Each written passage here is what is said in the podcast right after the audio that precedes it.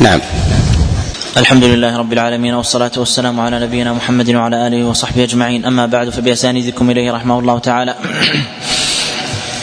قال باب في النهي عن القتال في الفتنة. حدثنا أبو كامل قال حدثنا حماد بن زيد عن أيوب ويونس عن الحسن عن الأحنف بن قيس قال خرجت أنا يعني خرجت وأنا يعني في قتال فلقيني أبو بكر فقال ارجع فإني سمعت رسول الله صلى الله عليه وسلم يقول إذا تواجه المسلمان بسيفيه بسيفيهما فالقاتل والمقتول في النار. قال يا رسول الله هذا القاتل فما بال المقتول؟ قال إنه أراد قتل صاحبه. حدثنا محمد بن المتوكل قال حدثنا عبد الرزاق قال أخبرنا معمر عن أيوب بسم الله الرحمن الرحيم. وفي هذا إشارة إلى أن ما يؤاخذ الله عز وجل به العبد هو العزم. إذا عزم على شيء ولو لم يقترفه يؤاخذه الله عز وجل به. ولهذا أدخله الله النار مع أنه لم يقتل أحدا. لم يقتل أحدا. وأن الذي لا يؤاخذ الله عز وجل به هي خطرات النفس. هي الخطرات والوساوس والرغبات التي لا تستلزم عزما وهما بالعمل. نعم. حدثنا محمد بن المتوكل قال حدثنا عبد الرزاق قال أخبرنا معمر عن أيوب عن الحسن بإسناده ومعناه مختصرا. قال أبو داود لمحمد أخ ضعيف يعني ابن المتوكل يقال له حسين. باب تعظيم قتل المؤمن. حدثنا مؤمل مؤمل بن الفضل الحراني قال حدثنا محمد بن شعيب قال عن خالد بن دهقان قال كنا في غزوة القسطنطينية بدلق بدلقية فأقبل رجل من أهل فلسطين من أشرافهم وخيارهم يعرفون ذلك له. يقال له هانئ بن كلثوم بن شريك الكناني. فسلم على عبد الله بن أبي زكريا وكان يعرف له حقه فقال له فقال لنا خالد وحدثنا عبد الله بن أبي زكريا قال سمعت أم الدرداء تقول سمعت سمعت ابا الدرداء يقول سمعت رسول الله صلى الله عليه وسلم يقول كل ذنب عسى الله أن يغفره إلا من مات مشركا أو من قتل أو من قتل مؤمنا متعمدا.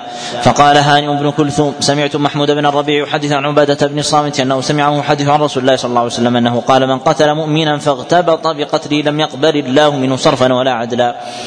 قال لنا خالد ثم حدثنا ابن أبي زكريا عن أم درداء عن أبي درداء عن رسول الله صلى الله عليه وسلم أنه قال لا يزال المؤمن معلقا صالحا ما لم يصب دما حراما فإذا أصاب دما حراما بلح. وفي هذا في قوله قتل مؤمنا فاغتبط بقتله. المراد بهذا أن السيئات في ذلك أثرها في ميزان سيئات العبد بحسب حضور القلب. إذا كان القلب وجل فإن السيئة العظيمة تكون حقيرة. وإذا كان القلب غير مكترث أو فرح بهذه المعصية فإنها تكون تكون عظيمة. وهكذا. وكذلك أيضا هذا في أبواب في أبواب الحسنات. إذا كان الإنسان يعملها مقبل على الله عز وجل ويخشى من عدم قبولها مثلا لسيئته وتقصيره أو ربما يرى أنها قليلة في حق الله سبحانه وتعالى فحينئذ تتعاظم. والذي يفعلها ويغتر بها تكون حينئذ دون دون ذلك. نعم. وحدث هاني بن كلثوم عن محمود بن الربيع عن عبادة بن الصامت عن رسول الله صلى الله عليه وسلم مثله سواء حدثنا عبد الرحمن بن عمرو الدمشقي قال عن محمد بن المبارك عن قال أخبرنا صدقة بن خالد أو غيره قال قال خالد بن دهقان سألت يحيى بن يحيى الغساني عن قوله فاغتبط بقتله قال الذين يقاتلون في الفتنة فيقتل أحدهم في فيقتل أحدهم فيرى أنه على هدى لا يستغفر الله يعني من ذلك. حدثنا مسلم مسلم بن إبراهيم قال حدثنا حماد قال أخبرنا عبد الرحمن بن إسحاق عن الزناد عن مجالد بن عوف أن خارجة بن زيد قال سمعت زيد بن ثابت في هذا المكان يقول أنزلت هذه الآية ومن يقتل مؤمنا متعمدا فجزاؤه جهنم خالدا فيها بعد التي في الفرقان والذين لا يدعون مع الله إلها آخر ولا يقتلون النفس التي حرم الله إلا بالحق لستة أشهر حدثنا يوسف بن موسى قال حدثنا جرير عن منصور عن سعيد بن جبير أو حدثني الحكم عن سعيد بن جبير قال سألت ابن عباس قال لما نزلت التي في الفرقان والذين لا يدعون مع الله إلها آخر ولا يقتلون النفس التي حرم الله إلا بالحق قال مشركو أهل مكة قد قتلنا النفس التي حرم الله ودعونا مع, مع الله إلها آخر وأتينا الفواحش فأنزل الله عز وجل إلا من تاب وآمن وعمل عملا صالحا فأولئك يبدل يبدل الله سيئاتهم حسنات فهذه لأولئك. قال وأما التي في وأما التي في النساء ومن يقتل مؤمنا متعمدا فجزاؤه جهنم خالدا فيها. الآية قال الرجل إذا عرف شرائع الإسلام ثم قتل مؤمنا متعمدا فجزاؤه جهنم فلا توبة له. فذكرت هذا لمجاهد فقال إلا من ندم. حدثنا أحمد بن إبراهيم قال حدثنا حجاج عن بن جريج قال حدثني على قال حد عن عن عن سعيد بن جبير عن ابن عباس في هذه القصة في, في والذين لا يدعون مع الله إلها آخر أهل الشرك. قال فنزل يا عبادي الذين أسرفوا على أنفسهم. حدثنا أحمد بن حنبل قال حدثنا عبد الرحمن قال حدثنا سفيان عن المغيرة بن النعمان عن سعيد بن جبير عن ابن عباس قال ومن يقتل مؤمنا متعمدا؟ قال ما نسخها شيء. حدثنا أحمد بن يونس قال حدثنا أبو شهاب عن سليمان التيمي عن أبي مجلز في قوله ومن يقتل مؤمنا متعمدا فجزاؤه جهنم. قال هي جزاؤه فإن شاء الله أن يتجاوز عن جزائه فعل. باب ما يرجى في القتل. حدثنا مسدد قال حدثنا أبو الاحوص سلام بن سليم عن منصور عن هلال بن يساف عن عن سعيد بن زيد قال كنا عند النبي صلى الله عليه وسلم فذكر فتنة فعظم أمرها فقلت وقالوا يا رسول الله لئن أدركتنا هذه لتهلكن.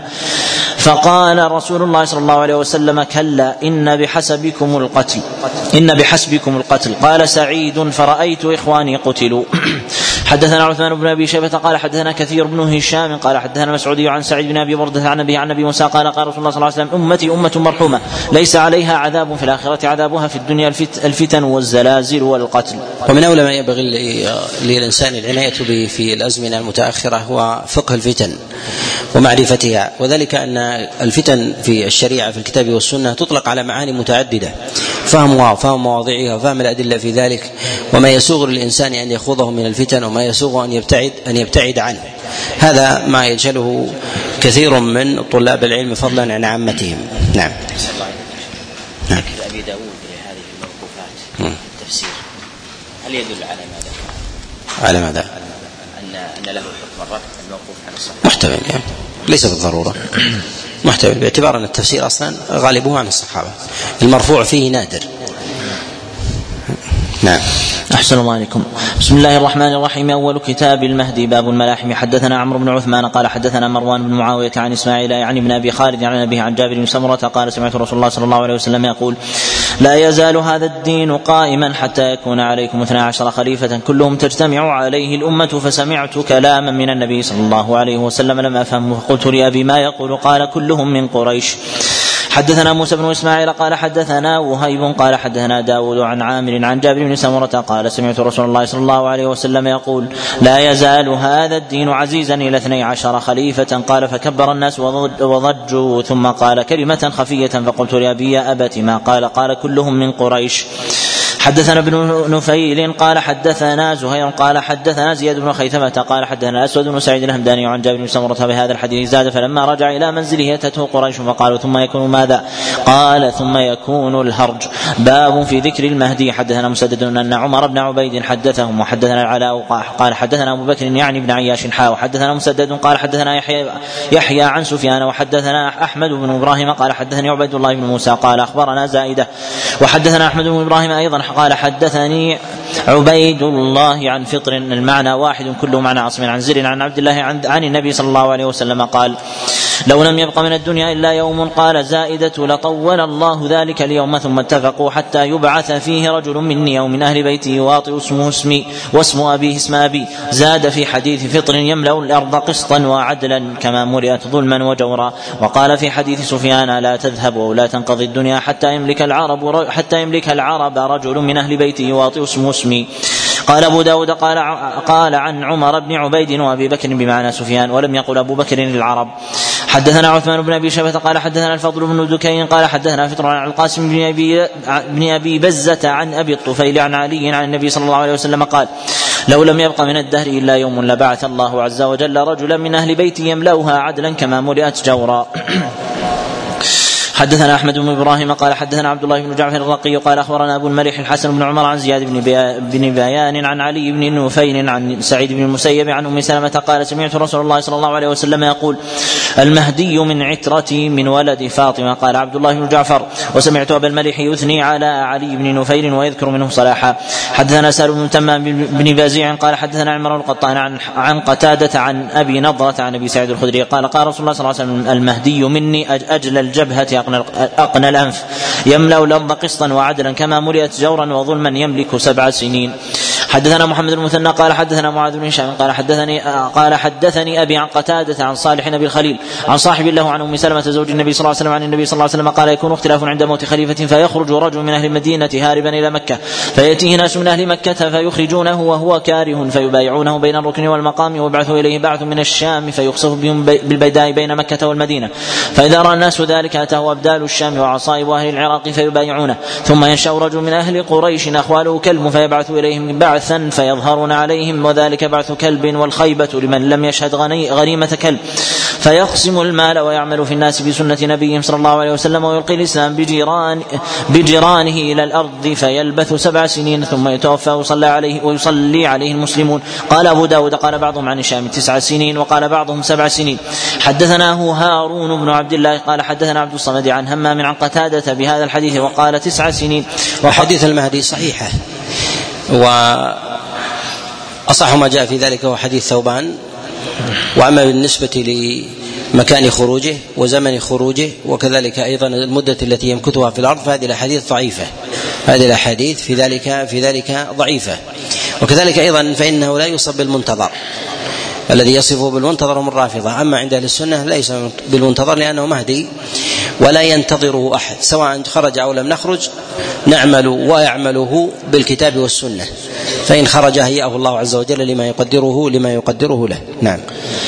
وقال غير معاذ عن هشام تسع سنين حدثنا ابن المثنى قال حدثنا عمرو بن عاصم قال حدثنا أبو العوام قال حدثنا قتادة عن أبي الخليل عن عبد الله بن الحارث عن أم سلمة عن النبي صلى الله عليه وسلم بهذا الحديث وحديث معاذ أتم. حدثنا عثمان بن أبي شيبة قال حدثنا جرير عن عبد العزيز بن رفيع عن عبد عن عبيد الله بن القبطية عن أم سلمة عن النبي صلى الله عليه وسلم قصه جيش الخسف فقلت يا رسول الله كيف بمن كان كارها؟ قال يخسف بهم ولكن يبعث يوم القيامة على نيته.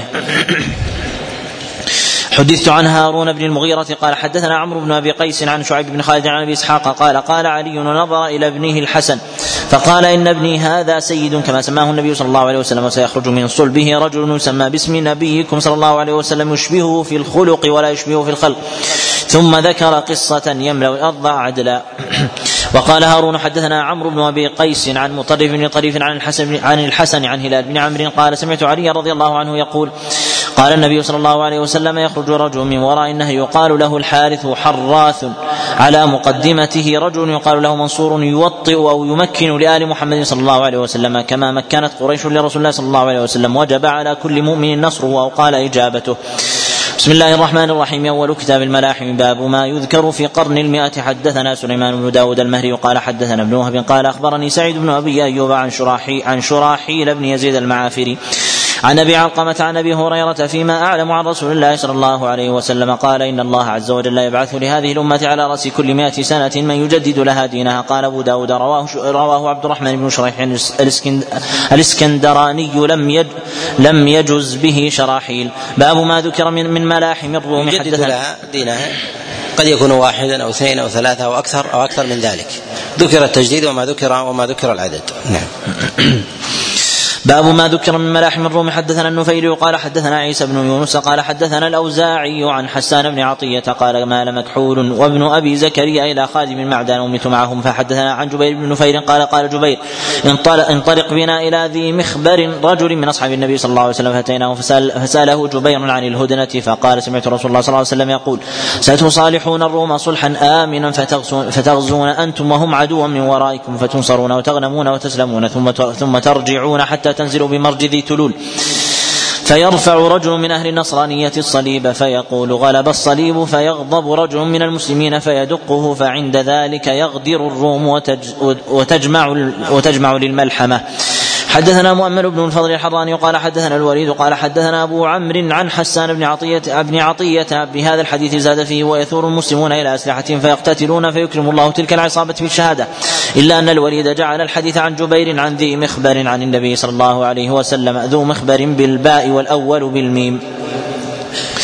قال أبو داود ورواه روح ويحيى ويحيى بن حمزة وبشر بن بكر عن الأوزاعي كما قال عيسى باب أمارات الملاحم. حدثنا عباس العنبري وقال حدثنا هاشم بن القاسم قال حدثنا عبد الرحمن بن ثابت بن ثوبان عن أبي عن مكحول عن جبير بن نفير عن مالك بن يخامر عن معاذ بن جبل قال قال رسول الله صلى الله عليه وسلم عمران بيت المقدس خراب يثرب وخراب يثرب خروج ملحمة وخروج الملحمة فتح القسطنطين القسطنطينية وفتح القسطنطينية خروج الدجال. ثم ضرب بيده على فخذ الذي حدثه منكبيه ثم قال إن هذا لحق كما أنت ها هنا أو, كما أو كما قال قاعد يعني معاذ بن جبل. باب تواتر الملاحم. حدثنا عبد الله بن محمد بن نفيلي وقال حدثنا عيسى بن يونس قال عن أبي بكر بن أبي مريم بن أبي مريم عن الوليد بن سفيان الغساني عن يزيد بن قطيب السكوني عن أبي بحرية عن معاذ بن جبل رضي الله عنه قال قال رسول الله صلى الله عليه وسلم الملحمة الكبرى وفتح القسطنطينية وخروج الدجال في سبعة أشهر. حدثنا حيوة بن شريح الحمصي قال حدثنا بقية عن بحير عن خالد بن عن خالد عن ابن أبي بلال عن عبد الله بن مسلم أن رسول الله صلى الله عليه وسلم قال بين الملحمة وفتح وفتح المدينة ست سنين ويخرج المسيح الدجال في السابعة. قال أبو داود هذا صح من حديث عيسى. باب تداعي الأمم على الإسلام. حدثنا عبد الرحمن بن إبراهيم الدمشقي قال حدثنا بشر بن بكر قال حدثنا ابن جابر قال حدثني أبو عبد أبو عبد السلام عن ثوبان قال قال رسول الله صلى الله عليه وسلم يوشك الأمم أن تداعى عليكم كما تداعى الآكلة إلى قصعتها. فقال قائل من قلة نحن يومئذ قال بل أنتم كثير ولكنكم غثاء كغثاء السيل ولا ينزعن الله من صدور عدوكم المهابة منكم. ولا يقذفن في قلوبكم الوهن أو الوهن. فقال قائل يا رسول الله وما الوهن؟ قال حب الدنيا وكراهية الموت. باب المعقل من الملاحم. حدثنا هشام بن عمار قال حدثنا يحيى بن حمزة قال حدثنا ابن جابر قال حدثني زيد بن ورطات قال سمعت جبير بن نفيل يحدث عن أبي الدرداء أن رسول الله صلى الله عليه وسلم قال إن فسطاط المسلمين يوم الملحمة بالغوطة إلى جانب مدينة يقال لها دمشق من خير مدائن الشام. وحدثت عن ابن وهب. حدثني جرير بن قال حدثني جرير بن حازم عن عبيد الله بن عمر. عن نافع عن ابن عمر قال قال رسول الله صلى الله عليه وسلم يوشك المسلمون يحاصروا إلى المد... يحاصروا إلى المدينة حتى يكون أبعد مسالحهم. سلاح حدثنا أحمد بن صالح عن عن عنبسة عن يونس عن الزهري قال وسلاح وسلاح خي وسلاح قريب من خيبر. باب ارتفاع الفتنة بالملاحم. حدثنا عبد الوهاب بن نجدة قال حدثنا إسماعيل حاء وحدثنا هارون بن عبد الله قال حدثنا الحسن بن سوان قال حدثنا إسماعيل قال حدثنا سليمان بن سليم عن يحيى بن جابر الطائي قال هارون في حديثه عن عوف بن مالك قال قال رسول الله صلى الله عليه وسلم لن يجمع الله على هذه الأمة سيفين سيفا منها وسيفا من عدوها. باب النهي باب النهي عن تهيج الترك. حدثنا عيسى بن محمد قال حدثنا ضمرة عن السيباني عن عن أبي سكينة رجل من المحررين عن رجل من أصحاب النبي صلى الله عليه وسلم عن النبي صلى الله عليه وسلم أنه قال دعوا الحبشة ما ودعوكم واتركوا الترك ما تركوكم.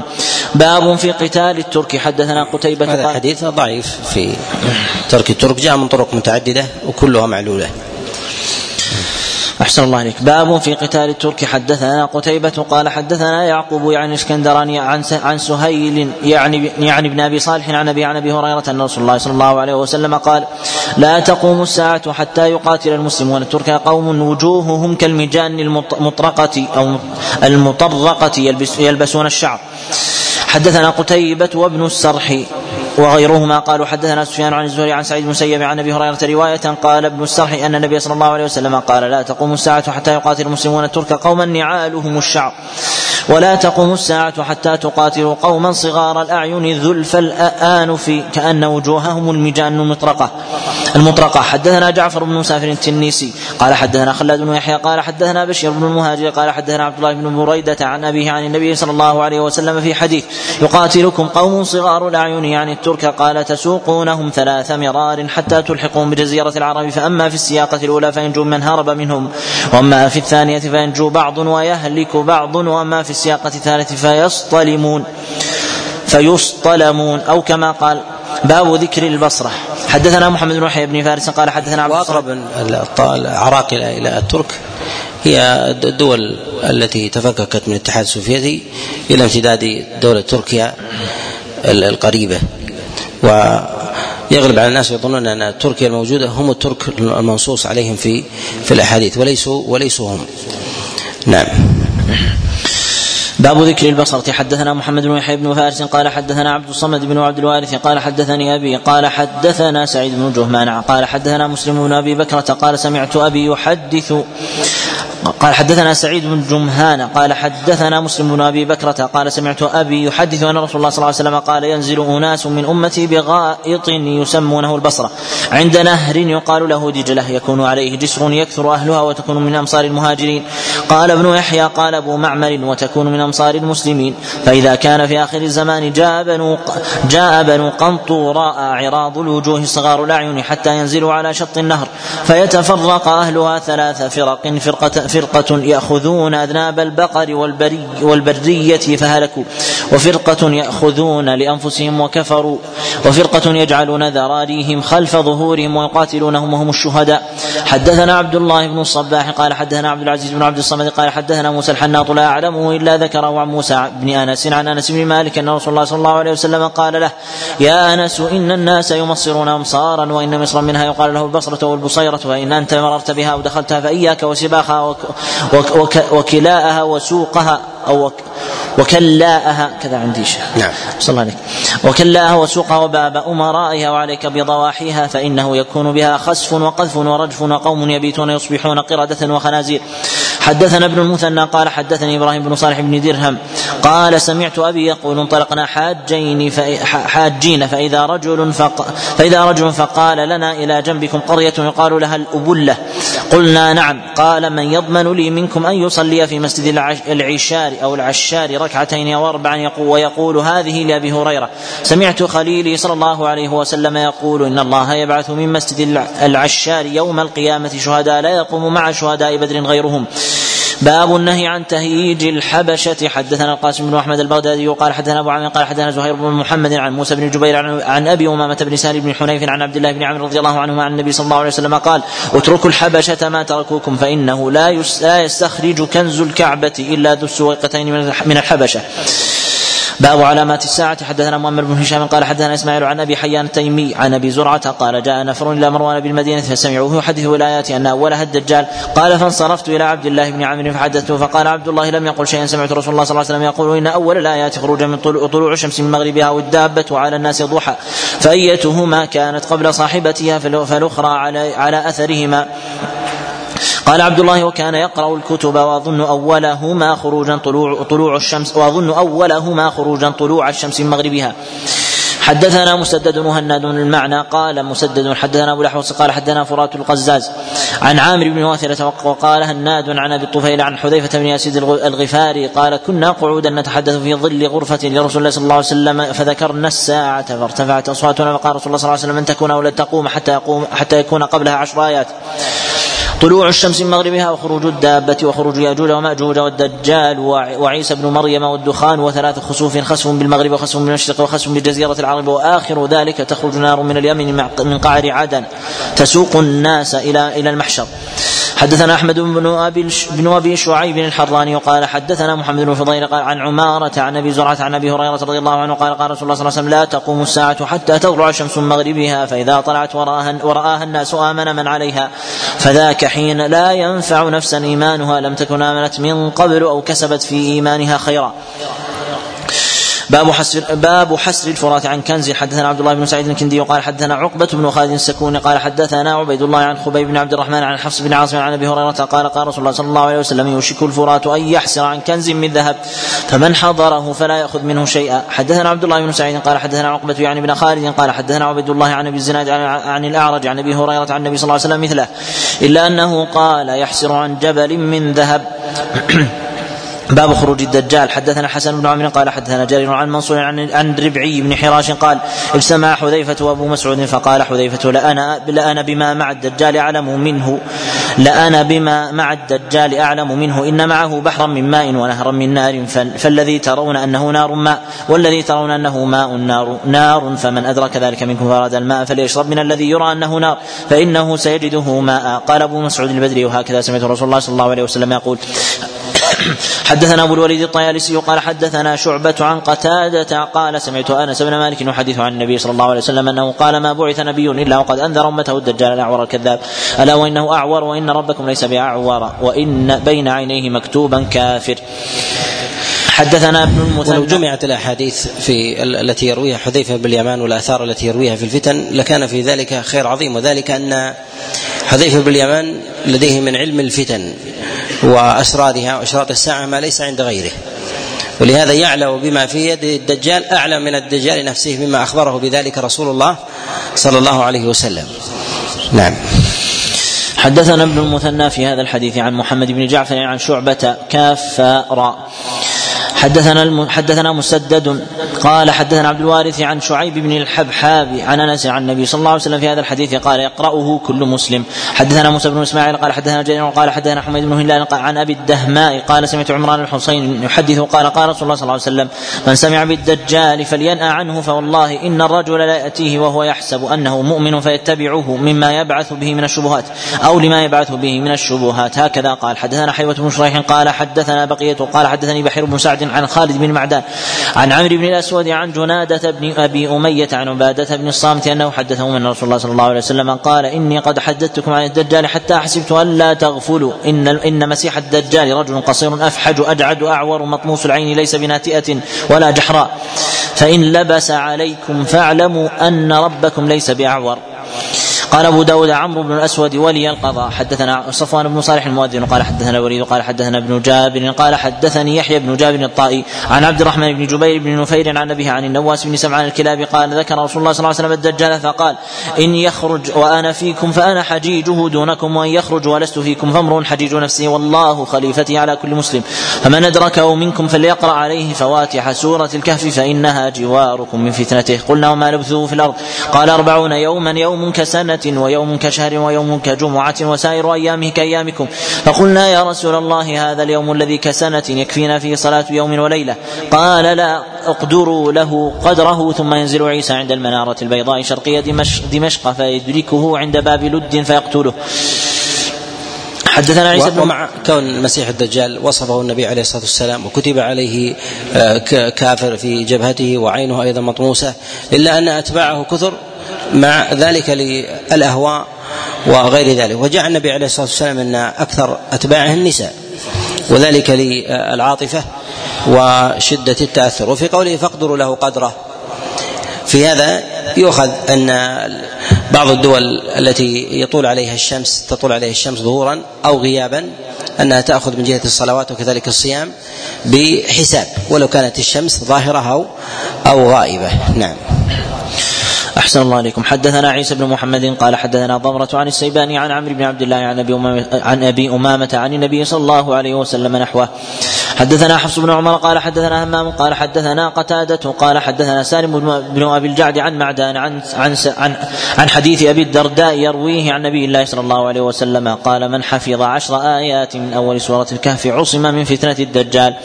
قال أبو داود وكذا قال الشام الدستوائي عن قتادة إلا أنه قال من حفظ من خواتم وقال شعبة عن قتادة وقال شعبة عن قتادة من آخر الكهف. حدثنا هدبة بن خالد قال حدثنا همام بن يحيى عن قتادة بن عن قتادة عن عبد الرحمن بن آدم عن أبي هريرة عن أن النبي صلى الله عليه وسلم قال ليس بيني وبينه نبي يعني عيسى بن مريم وإنه نازل فإذا رأيتموه فاعرفوه رجل مربوع إلى الحمرة والبياض بين ممصرتين. كأن رأسه يقطر وإن, لم يصبه بلل فيقاتل الناس على الإسلام فيقاتل الناس على الإسلام فيدق الصليب ويقتل الخنزير ويضع الجزية ويهلك الله في زمانه الملل كلها إلا الإسلام. ويهلك المسيح الدجال فيمكث في الأرض أربعين سنة ثم يتوفى فيصلي عليه المسلمون.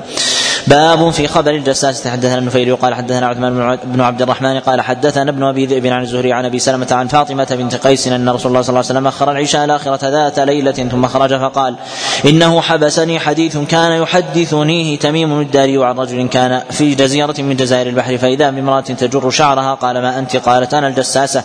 اذهب إلى ذلك القصر فأتيته فإذا رجل يجر شعره مسلسل في الأغلال ينزو فيما بين السماء والأرض. فقلت من أنت؟ قال أنا الدجال. خرج نبي الأميين. قلت نعم قال فأطاعوه أم عصوه قلت, قلت بل أطاعوه قال ذاك خير لهم. حدثنا حجاج بن أبي يعقوب قال حدثنا عبد الصمد قال حدثنا أبي قال سمعت حسين المعلم حدثنا عبد قال حدثنا عبد الله بن بريدة قال حدثنا عامر بن شراحيل الشعبي عن فاطمة بنت قيس قالت سمعت منادي رسول الله صلى الله عليه وسلم ينادي أن الصلاة جامعة فخرجت فصليت مع رسول الله صلى الله عليه وسلم فلما قضى رسول الله صلى الله عليه وسلم صلاته جلس على المنبر وهو يضحك قال ليلزم كل إنسان مصلاه ثم قال هل تدرون لما جمعتكم؟ قالوا الله ورسوله أعلم. قال إني ما جمعتكم لرهبة ولا ولكن جمعتكم أن تميما الداري كان رجلا نصرانيا فجاء فبايع وأسلم وحدثني حديثا وافق الذي حدثتكم عن الدجال حدثني أنه ركب في سفينة بحرية مع ثلاثين رجلا من لخم وجدام فلعب بهم الموج شهرا في البحر وارسوا إلى جزيرة حين مغرب الشمس فجلسوا في أقرب, أقرب السفينة فدخلوا, فدخلوا الجزيرة فلقيتهم دابة أهلب كثيرة الشعر قالوا ويلك ما أنت؟ قالت أنا الجساسة. انطلقوا إلى هذا الرجل في هذا الدير فإنه إلى خبركم بالأشواق قال لما سمت لما سمت رجلا فرقنا منه أن يكون شيطان أن يكون شيطانه أو شيطانة؟ أحسن الله عليك. أن تكون شيطانه أو يكون شيطانه. أن يكون شيطانه. صلى الله عليك أن يكون شيطانه فانطلقنا سراعا حتى دخلنا الدير. فإذا فيه أعظم إنسان رأيناه قط خلقا وأشده وثاقا مجموعة يداه إلى عنقه فذكر الحديث وسألهم عن نخل بيسان وعن عين زغر وعن النبي وعن النبي صلى الله عليه وسلم الأمي قال إني أنا المسيح الدجال وإنه يوشك أن يؤذن لي في الخروج. قال النبي صلى الله عليه وسلم وإنه في بحر الشام أو بحر اليمين لا بل من قبل المشرق ما هو مرتين وأومى بيده قبل المشرق. قال حفظت قالت حفظت هذا من رسول الله صلى الله عليه وسلم وساق الحديث. حدثنا محمد بن صدران قال حدثنا المعتمر بن سليمان قال حدثنا إسماعيل بن أبي خالد عن مجاهد بن سعيد عن عامر قال حدثتني فاطمة بنت قيس بنت قيس. هذا فرح النبي عليه الصلاة والسلام بوجود من يؤيده مع أنه على وحي. وان الانسان مفطور على على حب تأييده. ولهذا النبي عليه الصلاة والسلام ابتسم وضحك عليه الصلاة والسلام. ثم قال حدثني حديثا وافق الذي حدثتكم عن الدجال مع أن حديث النبي عليه الصلاة والسلام وحي. عليه الصلاة والسلام. نعم. الله. نعم. ذكر في أول في أثناء الحديث م. أنه وأرفع إلى جسد حين مغرب الشمس وفي آخر الحديث قال وأومأ بيده إلى المشرق قبل المشرق. م.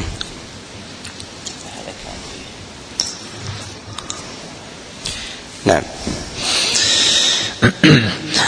قال حدثتني فاطمة بنت قيس أن النبي صلى الله عليه وسلم صلى الظهر ثم صعد المنبر وكان لا يصعد عليه إلا يوم جمعة قبل يومئذ ثم ذكر هذه القصة. قال أبو داود بن صدران بصري غرق في البحر مع ابن مسور مع, مع ابن مسور لم لم يسلم منهم غيره. حدثنا واصل بن عبد الأعلى حدثنا ابن فضيل قال قال حدثنا حدثنا ابن فضيل عن الوليد بن عبد الله بن جميع عن أبي سلمة بن عبد الرحمن عن جابر قال قال رسول الله صلى الله عليه وسلم ذات يوم على المنبر إنه بينما أناس يسيرون في البحر فنفد طعام فرفعت لهم جزيرة. فخرجوا يريدون الخبر فلقيتهم الجساسة. قلت لأبي سلمة وما الجساسه قال امرأة تجر شعر جلدها ورأسها قالت في هذا القصر فذكر الحديث وسأل عن نخل بيسان وعن وعين زغر. قال هو المسيح. فقال لي ابن أبي سلمة إن في هذا الحديث شيئا ما حفظته. قال شهد شهد جابر أنه ابن صياد. قلت فإنه قد مات. قال وإن مات قلت فإنه أسلم. قال وإن أسلم قلت فإن فإنه قد دخل المدينة. قال وإن دخل المدينة. خبر ابن صياد حدثنا أبو عاصم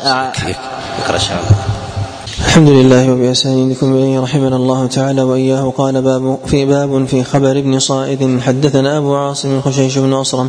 قال حدثنا عبد الرزاق. قال أخبرنا معمر عن الزهري عن سالم عن ابن عمر أن النبي صلى الله عليه وسلم مر بابن صائد في نفر من أصحابه فيهم عمر بن الخطاب وهو يلعب مع الغلبان عند أطم بني مغالة. وهو غلام فلم يشعر حتى ضرب رسول الله صلى الله عليه وسلم ظهره بيده. ثم قال تشهد أني رسول الله؟ قال فنظر إليه ابن صياد فقال أشهد أنك رسول الأميين. ثم قال ابن صياد للنبي صلى الله عليه وسلم تشهد أني رسول الله؟ فقال له النبي صلى الله عليه وسلم آمنت بالله وبرسله. ثم قال له النبي صلى الله عليه وسلم ما يأتيك? قال يأتيني صادق وكاذب. فقال له النبي صلى الله عليه وسلم خلط عليك الأمر. ثم قال رسول الله صلى الله عليه وسلم إني قد خبأت لك خبيئة وخبأ له يوم تأتي السماء بدخان مبين.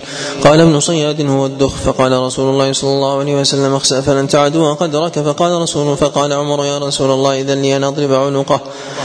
فقال عمر يا رسول الله إذا لي فأضرب عنقه. فقال رسول الله صلى الله عليه وسلم إن يكن هو فلن تسلط عليه يعني الدجال وإن لا يكن هو فلا خير لك فلا خير في قتله.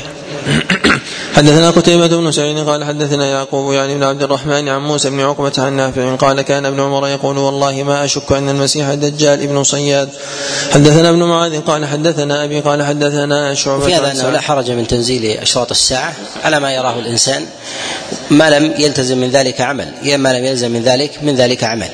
فالتوقع والظن وتغليبه ونحو ذلك ما لا حرج عليه. لكن العمل لا يعمل إلا إلا وفق الدليل لا يعمل إلا وفق الدليل البين. نعم. أحسن الله إليكم. حدثنا ابن معاذ قال حدثنا أبي قال حدثنا شعبة عن سعد بن إبراهيم عن محمد بن منكدر قال رأيت جابر بن عبد الله يحلف بالله أن ابن صائد الدجال فقلت تحلف بالله؟ فقال إني سمعت عمر يحلف على ذلك عند النبي صلى الله عليه وسلم فلم ينكره النبي صلى الله عليه وسلم. حدثنا أحمد بن إبراهيم قال حدثنا عبيد الله يعني ابن موسى قال حدثنا شيبان طبعا إنه ظن ظن ظنا وأما بعد ذلك فليس هو قطعا. فليس هو قطعا نعم. حدثنا شيبان عن الأعمش عن سالم عن جابر قال فقدمنا صياد يوم الحرة. حدثنا عبد الله بن مسلمة قال حدثنا عبد العزيز يعني بن محمد عن علاء عن ابي عن أبي هريرة قال قال رسول الله صلى الله عليه وسلم لا تقوم الساعة حتى يخرج ثلاثون دجالون كلهم يزعم أنه رسول الله. حدثنا عبيد الله بن معاذ قال حدثنا أبي قال حدثنا محمد يعني بن عمرو عن أبي سلمة عن أبي هريرة قال قال رسول الله صلى الله عليه وسلم لا تقوم الساعة حتى يخرج ثلاثون كذابا دجالون كلهم يكذب على الله وعلى رسوله. حدثنا عبد الله بن الجراح عن جرير عن مغيرة عن إبراهيم قال قال عبيدة السلماني بهذا الخبر فذكر نحوه فقلت له ترى هذا منهم؟ يعني المختار قال فقال عبيدة أما إنه من الرؤوس. باب الأمر والنهي. حدثنا عبد الله بن محمد النفيلي وقال حدثنا يونس بن راشد عن علي بن بذيمة عن أبي عبيدة عن عبد الله بن مسعود قال قال رسول الله صلى الله عليه وسلم إن أول ما دخل النقص على بني إسرائيل كان الرجل يلقى الرجل فيقول يا هذا اتق الله ودع ما تصنع فإنه لا يحل لك. ثم يلقاه من الغد فلا يمنعه ذلك أن يكون أكيله وشريبه وقعيده فلما فعلوا ذلك ضرب الله قلوب بعضهم ببعض. ثم قال لعن الذين كفروا من بني إسرائيل على لسان داود وعيسى بن مريم إلى قوله فاسقون. ثم قال كلا والله لتأمرن بالمعروف ولتنهون عن المنكر ولتأخذن على يدي الظالم ولتأطرنه على الحق أطرا ولتقصرنه على الحق قصرا. هذا يدل على أن أول انتشار الشر يكون بمخالطته يكون بالسكوت عنه مع بعد ثم ثم يخالط ثم يؤانس ثم يفعل ثم ينتشر في الناس. أحسن الله إليك. حدثنا خلف بن هشام قال حدثنا أبو شهاب الحناط عن عن العلاء بن المسيب عن عمرو بن مرة عن سالم عن أبي عبيدة عن ابن مسعود عن النبي صلى الله عليه وسلم بنحوه زاد. أو ليضربن الله بقلوب بعضكم على بعض ثم ليلعننكم كما لعنهم. قال أبو داود رواه المحاربي عن العلاء بن المسيب عن عبد الله بن عمرو بن مرة عن سالم الافطس عن أبي عبيدة عن عبد الله ورواه خالد بن الطحان عن العلاء عن عمرو بن مرة عن أبي عبيدة.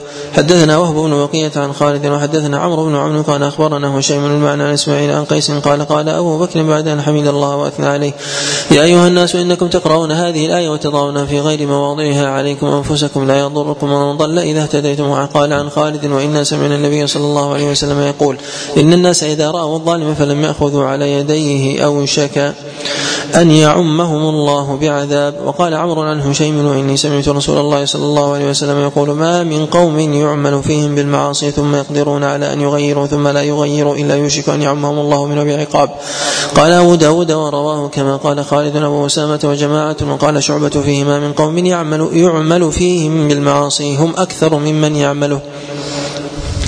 حدثنا مسدد قال حدثنا أبو الاحوص قال حدثنا أبو إسحاق أظنه عن ابن جرير عن جرير قال سمعت رسول الله صلى الله عليه وسلم يقول ما من رجل يكون في قوم يعمل فيهم بالمعاصي يقدرون على أن يغيروا فلا يغيروا عليه فلا يغيروا إلا أصابهم الله بعذاب من قبل أن يموتوا.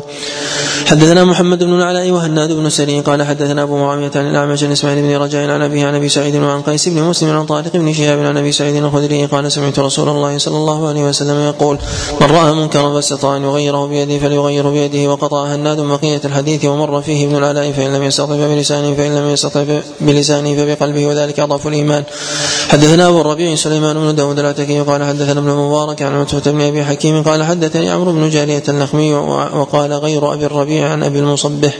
عن أبي المصبح قال حدثني أبو أمية الشعباني قال سألت أبا ثعلبة الخشني فقلت يا أبا ثعلبة كيف تقول في هذه الآية عليكم أنفسكم؟ قال أما والله لقد سأل أما والله لقد سألت عنها لقد سألت عنها خبيرا. سألت عنها رسول الله صلى الله عليه وسلم فقال بل ائتمروا بالمعروف وتناهوا عن المنكر حتى إذا رأيت شحا مطاعا وهوى متبعا ودنيا مؤثرة وإعجاب كل ذي رأي برأيه فعليك يعني بنفسك ودع عنك العوام.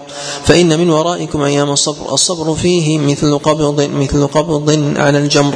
للعامل فيهم مثل أجر خمسين رجلا يعملون مثل عمله وزادني غيره. قال يا رسول الله أجر خمسين منهم قال أجر خمسين منكم. حدثنا القعنبي أن عبد العزيز بن أبي حازم حدث عن أبيه عن عمارة بن عمرو عن عبد الله بن عمرو بن العاص أن رسول الله صلى الله عليه وسلم قال كيف بكم وفي زمان أو يوشك أن يأتي زمان يغربل الناس فيه غربلة؟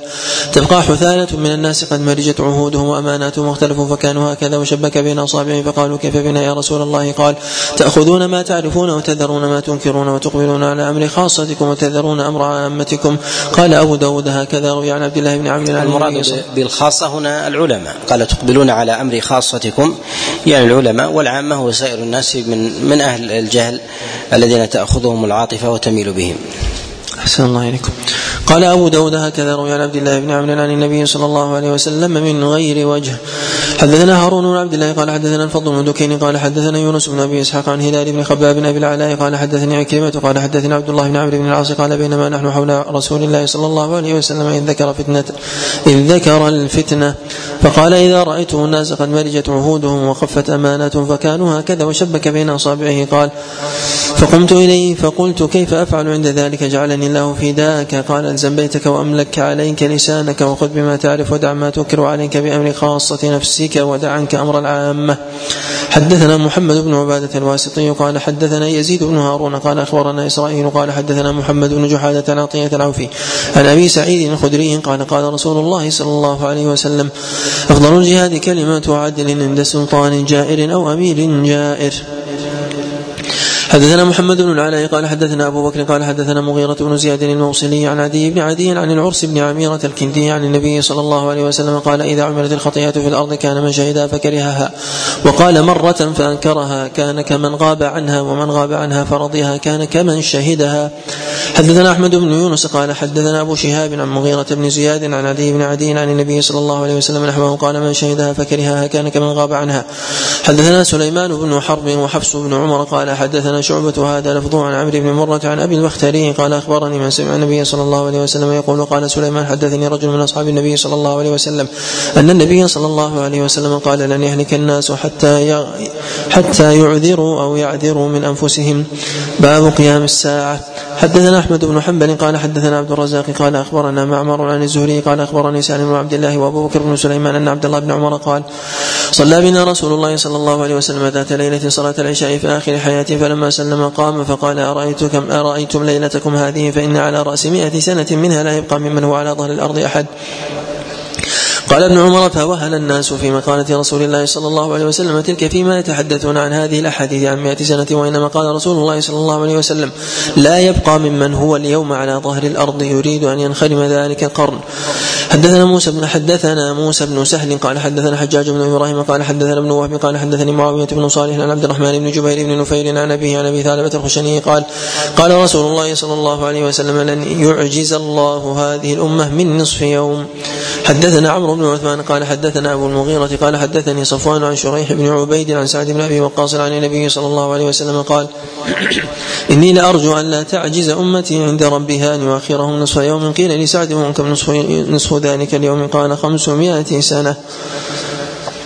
أول كتاب الحدود باب الحكم في من ارتد. حدثنا أحمد بن محمد بن حنبل قال حدثنا إسماعيل بن إبراهيم قال أخبرنا أيوب عن كلمة أن عليا أحرق ناسا ارتدوا عن الإسلام فبلغ ذلك من عباس فقال لم أكن أحرقهم بالنار. إن رسول الله صلى الله عليه وسلم قال لا تعذبوا بعذاب الله وكنت قاتلهم بقول رسول الله صلى الله عليه وسلم. فإن رسول الله صلى الله عليه وسلم قال من بدل دينه فاقتلوه فبلغ ذلك عليا فقال ويح ابن عباس. حدثنا عمرو بن عمرو قال أخبرنا أبو معاوية عن الأعمش عن عبد الله بن مرة عن مسروق عن عبد الله قال قال رسول الله صلى الله عليه وسلم لا يحل دم رجل مسلم يشهد أن لا إله إلا الله وأني رسول الله إلا بإحدى ثلاث الثيب الزاني والنفس بنفسه والتارك لدين المفارق للجماعة. حدثنا محمد بن سنان الباهلي قال حدثنا إبراهيم بن طهمان بن طهمان قال عن عبد العزيز بن رفيع عن عبيد بن عمير عن عائشة قالت قال رسول الله صلى الله عليه وسلم لا يحل دم امرئ مسلم يشهد أن لا إله إلا الله وأن محمدا رسول الله إلا بإحدى ثلاث. رجل زنى بعد إحصان فإنه يرجم رجل خرج محاربا لله ورسوله فإنه يقتل أو يصلب أو ينفى من الأرض أو يقتل نفسا فيقتل بها. حدثنا أحمد بن حنبل ومسدد قال حدثنا يحيى بن سعيد قال مسدد حدثنا وقال أحمد عن قرة بن خالد قال حدثنا حميد بن هلال قال حدثنا أبو بردة قال قال أبو موسى أقبلت إلى النبي صلى الله عليه وسلم ومعي رجلان من الأشعريين أحدهما عن يميني والآخر عن يساري فكلاهما سأل العمل والنبي صلى الله عليه وسلم ساكت فقال ما تقول يا أبا موسى أو يا عبد الله بن قيس؟ قلت والذي بعثك بالحق ما أطلعاني على ما في أنفسهما وما شعرت أنهما يطلبان يطلبان العمل قال وكأني أنظر إلى سواكه تحت شفته. قال صدق. قال لن نستعمل أو لا نستعمل على عملنا من أراده. ولكن اذهب أنت يا أبا موسى أو يا عبد الله بن قيس فبعثه على اليمن ثم أتبعه معاذ بن جبل. قال فلما قدم عليه معاذ قال انزل وألقى, وألقى له وسادة. وإذا رجل عنده موثوق قال ما هذا؟ قال هذا كان يهوديا فأسلم ثم راجع دينه دين السوء قال لا أجلس حتى يقتل قضاء الله ورسوله. قال اجلس. نعم. قال لا أجلس حتى يقتل قضاء الله ورسوله ثلاث مرار فأمر به فقتل. ثم تذاكر قيام الليل فقال أحدهما معاذ بن جبل أما أنا فأنا أقوم وأنام أما أنا فأنام وأقوم أو أقوم وأنام وأرجو في نومتي ما أرجو في قومتي. حدثنا الحسن بن علي قال حدثنا لا يختلف العلماء على أن من ارتد عن الإسلام أن حكمه القتل. لهذا الحديث ولا خلاف عندهم في هذا وإنما قول لأبي حنيفة رحمه الله في المرأة إذا ارتدت فجمهور العلماء على أنها تقتل وأبو حنيفة يرى انها لا تقتل وإنما تحبس وتردع. نعم. أحسن الله إليكم. حدثنا الحسن بن علي قال حدثنا الحماني يعني يعني عبد الحميد بن عبد الرحمن عن طلحة بن يحيى وبريد بن عبد الله بن أبي وردة عن أبي وردة عن أبي موسى قال قدم علي قدم قدم علي معاذ وأنا باليمن ورجل كان يهوديا فأسلم فارتد عن الإسلام فلما قدم معاذ قال لا أنزل عن دابتي حتى يقتل فقتل قال أحدهما وكان قد استتيب قبل ذلك. حدثنا محمد بن لا يثبت في الاستتابة شيء عن النبي عليه الصلاة والسلام. وإنما هو من عمل الصحابة. ثبت أو جاء عن عمر بن الخطاب وعلي بن أبي طالب وغيرهما. نعم. أحسن الله إليكم. حدثنا محمد بن العلاء قال حدثنا حفص قال حدثنا الشيباني عن أبي بردة بهذه القصة قال فأوتي أبو موسى برجل قد ارتد عن الإسلام فدعه عشرين ليلة أو قريبا منها فجاء معاذ فدعاه فأبى فضرب عنقه قال أبو داود رواه عبد الملك بن عمير عن أبي بردة لم يذكر الاستتابة ورواه ابن فضيل عن الشيباني عن سعيد بن أبي بردة عن أبيه عن أبي موسى لم يذكر فيه الاستتابة. حدثنا ابن معاذ قال حدثنا ابي قال حدثنا المسعودي عن قاسم بهذه القصة قال فلم ينزل حتى ضرب عنقه وما استتاب. حدثنا أحمد بن محمد المروزي قال حدثنا علي بن الحسين بن وقت عن ابي عن يزيد النحوي عن كريمه عن ابن عباس قال كان عبد الله بن سعد بن أبي السرح يكتب لرسول الله صلى الله عليه وسلم فأزله الشيطان فلحق به الكفار فأمر به رسول الله صلى الله عليه وسلم أن يقتل يوم الفتح فاستجاز له عثمان بن عفان فاستجار له عثمان بن عفان فأجاره رسول الله صلى الله عليه وسلم. حدثنا عثمان بن أبي شيبة قال حدثنا أحمد بن المفضل قال حدثنا اسباط بن نصر قال زعم السدي عن سعد عن, عن مصعب بن سعد عن سعد قال لما كان يوم فتح مكة اختبى عبد الله بن سعد بن أبي سرح عند عثمان بن عفان فجاء به فحتى اوقفه على النبي صلى الله عليه وسلم فقال يا رسول الله بايع عبد الله فرفع رأسه فنظر إليه ثلاثة. كل ذلك يأبى فبايعه بعد ثلاث ثم أقبل على أصحابه فقال أما كان فيكم رجل رشيد يقوم إلى هذا حيث رأني كففت يدي عن بيعته فيقتله.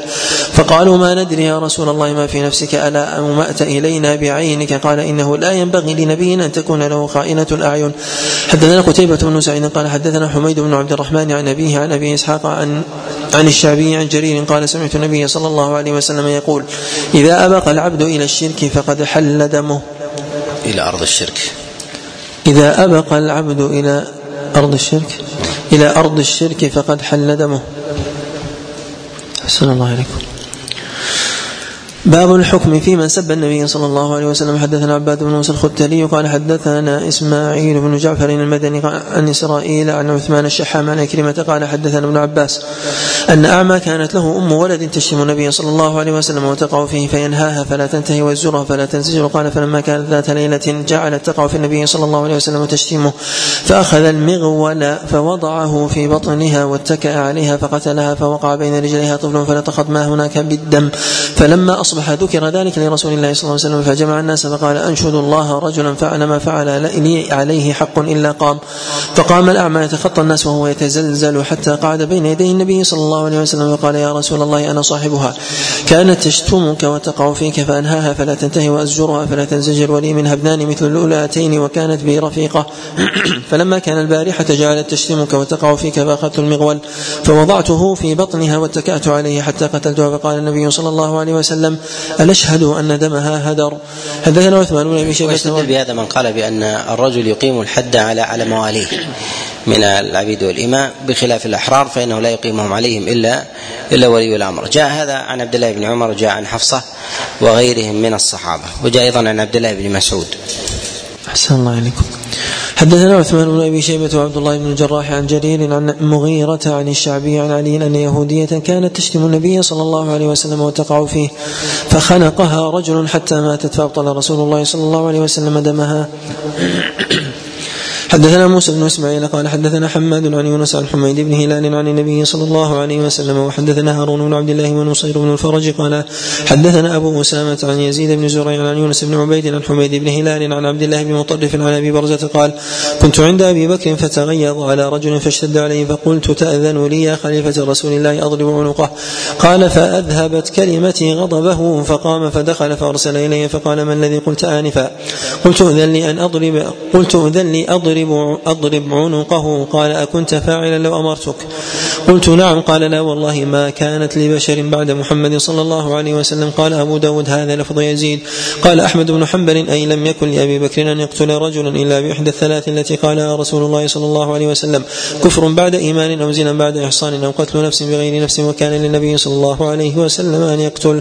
باب ما جاء في المحاربة حدثنا سليمان بن حرب قال حدثنا حماد عن أيوب عن أبي خلافة عن أنس بن مالك أن قوما من عقل أو قال من عرين قدموا على رسول الله صلى الله عليه وسلم فاجتبوا المدينة فأمر لهم رسول الله صلى الله عليه وسلم بلقاح وأمرهم أن يشربوا من أبوالها وألبانها فانطلقوا فلما صحوا قتلوا راعي رسول الله صلى الله عليه وسلم واستاقوا الغنم فبلغ النبي صلى الله عليه وسلم خبر من أول النهار فأرسل النبي صلى الله عليه وسلم في آثار فما ارتفع النهار حتى جيء بهم فأمر بهم فقطعت أيديهم وأرجلهم وسمرت أعينهم وألقوا في الحرة يستسقون فلا يسقون قال أبو قلابة فهؤلاء قوم سرقوا وقتلوا وكفروا بعد إيمانهم وحاربوا الله ورسوله.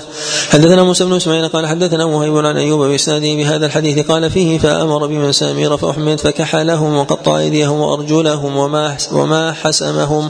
حدثنا محمد بن صباح بن سفيان قال أخبرنا وحدثنا عمرو بن عثمان قال حدثنا الوليد عن الأوزاعي عن يحيى بن أبي كثير عن أبي قلابة عن أنس بن مالك بهذا الحديث قال فيه فبعث رسول الله صلى الله عليه وسلم في طلبهم قافة فأتي بهم قال فأنزل أنزل الله عز وجل في ذلك.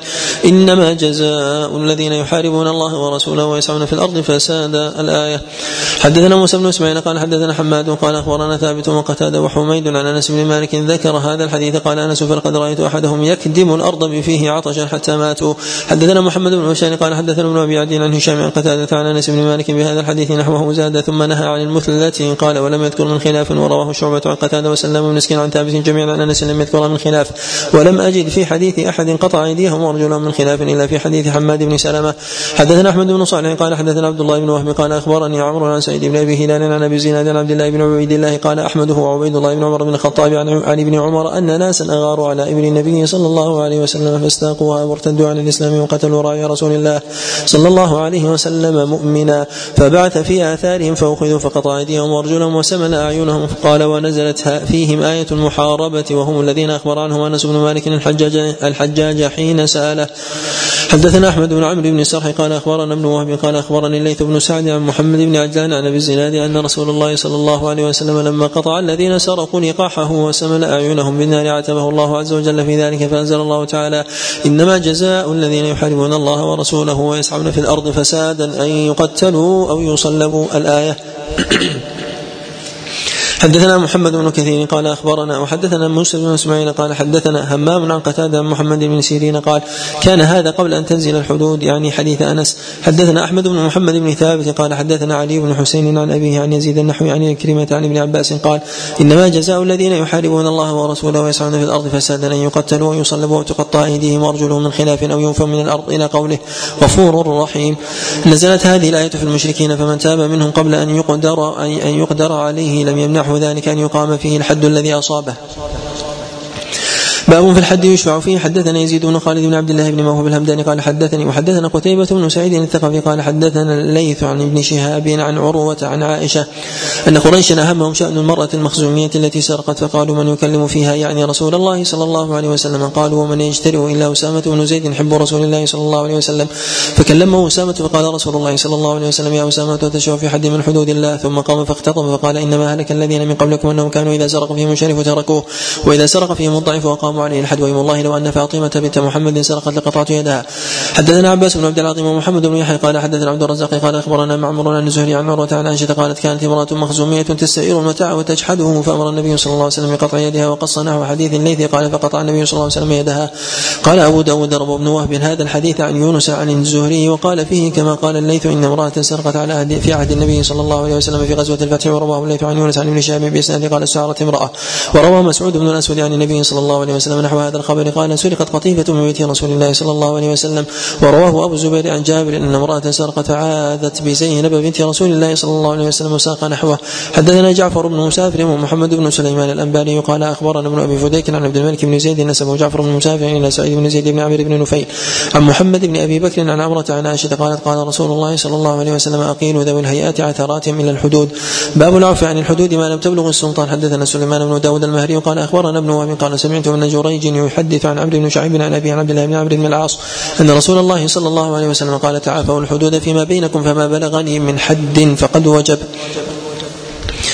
باب في الستر على أهل الحدود. حدثنا مسدد قال حدثنا يحيى عن سفيان عن زيد بن أسلم عن يزيد بن نعيم عن أبيه أن مع أن ماعزا أتى النبي صلى الله عليه وسلم فاقر عنده أربع مرات فأمر برجمه وقال لهزال لو سترته بثوبك كان خيرا لك.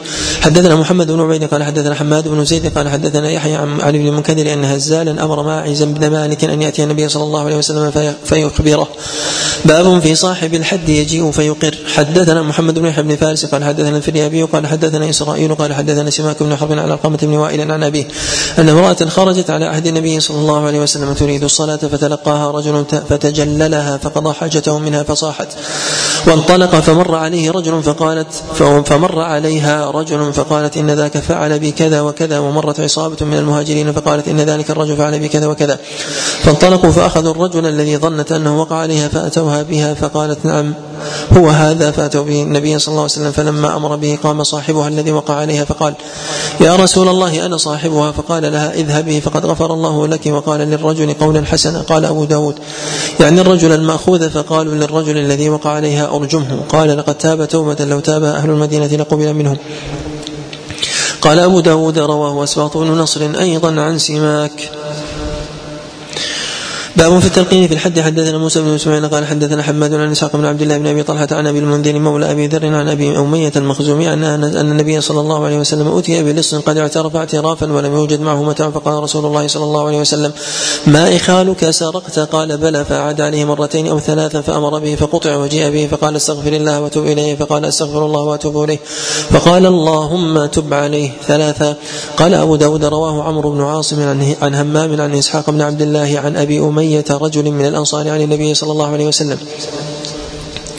باب في الرجل يعترف بحد ولا يسميه. حدثنا محمود بن خالد قال حدثنا عمر بن عبد الواحد عن الأوزاعي قال حدثني أبو عمان قال حدثني أبو أمامة أن رجلا أتى النبي صلى الله عليه وسلم فقال يا رسول الله إني أصبت حدا فاقمه عليه. قال توضأت حين أقبلت. قال نعم. قال هل صليت معنا حين صلينا؟ قال نعم. قال ذا فإن الله تعالى قد عفى عنك.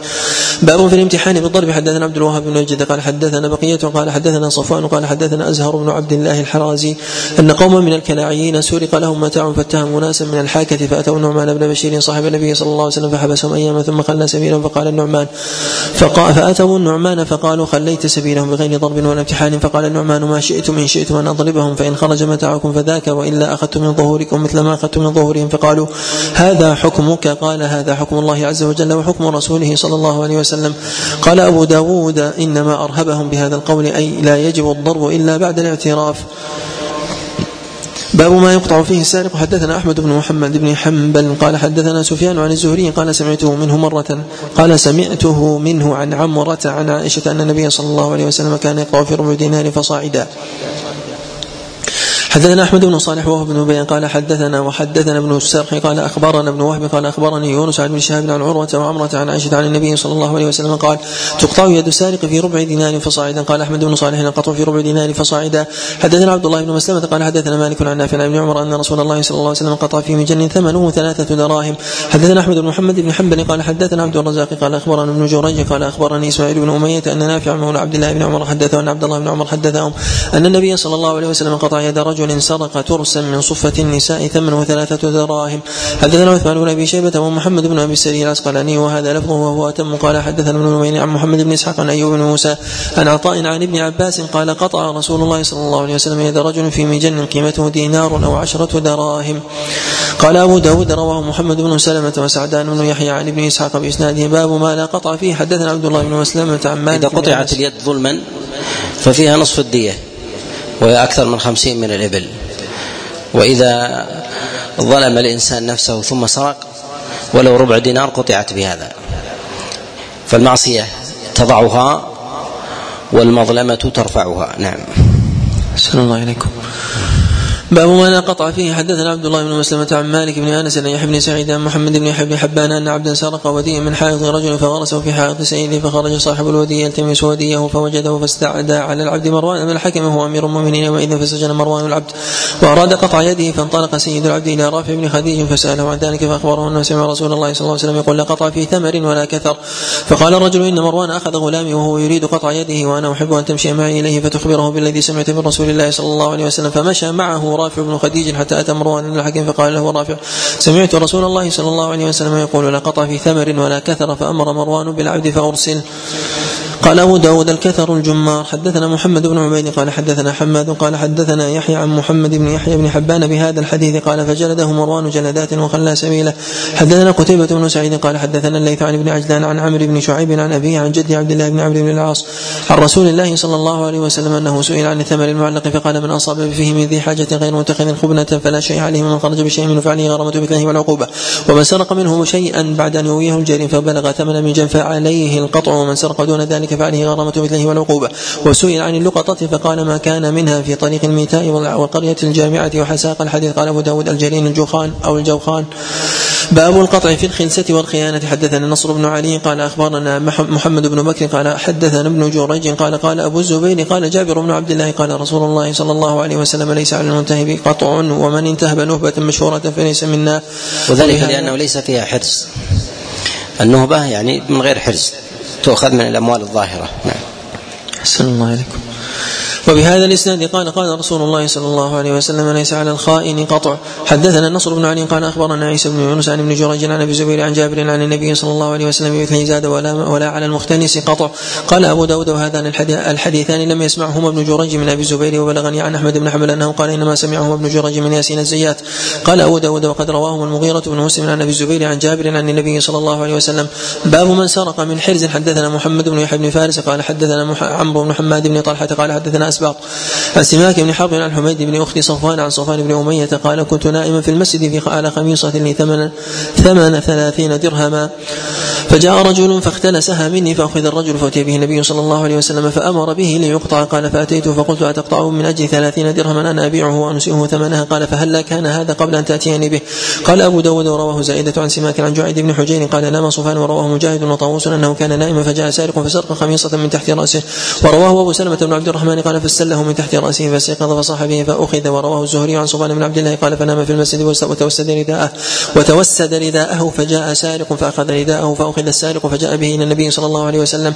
باب في القطع بالعارية إذا جحدت حدثنا الحسن بن علي ومخلد بن خالد المعنى قال حدثنا عبد الرزاق قال أخبرنا معمر قال مخلد عن معمر عن أيوب عن نافع عن ابن عمر أن امرأة مخزومية كانت تستعير المتاع فتجحدوه.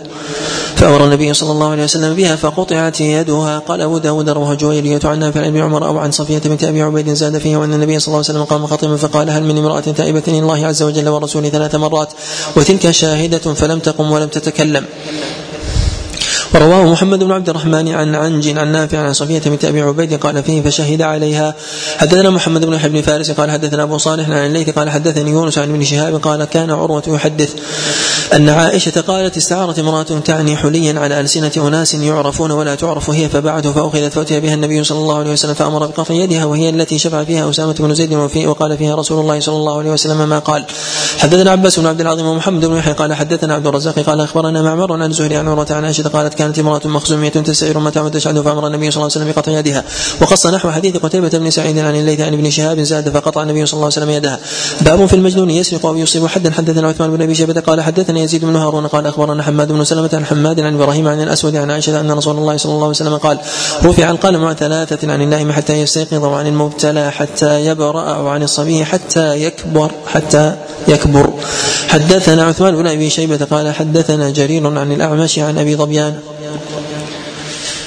عن أبي ظبيان عن ابن عباس رضي الله عنهما قال أوتي عمر بمجنونة قد زنت فاستشار فيها اناسا فأمر بها عمر رضي الله عنه أن ترجم فمر بها على علي على علي بن أبي طالب رضي الله عنه فقال ما شأن هذه؟ قالوا مجنونة بني فلان زنت فأمر بها عمر ان ترجم. قال فقال ارجعوا بها.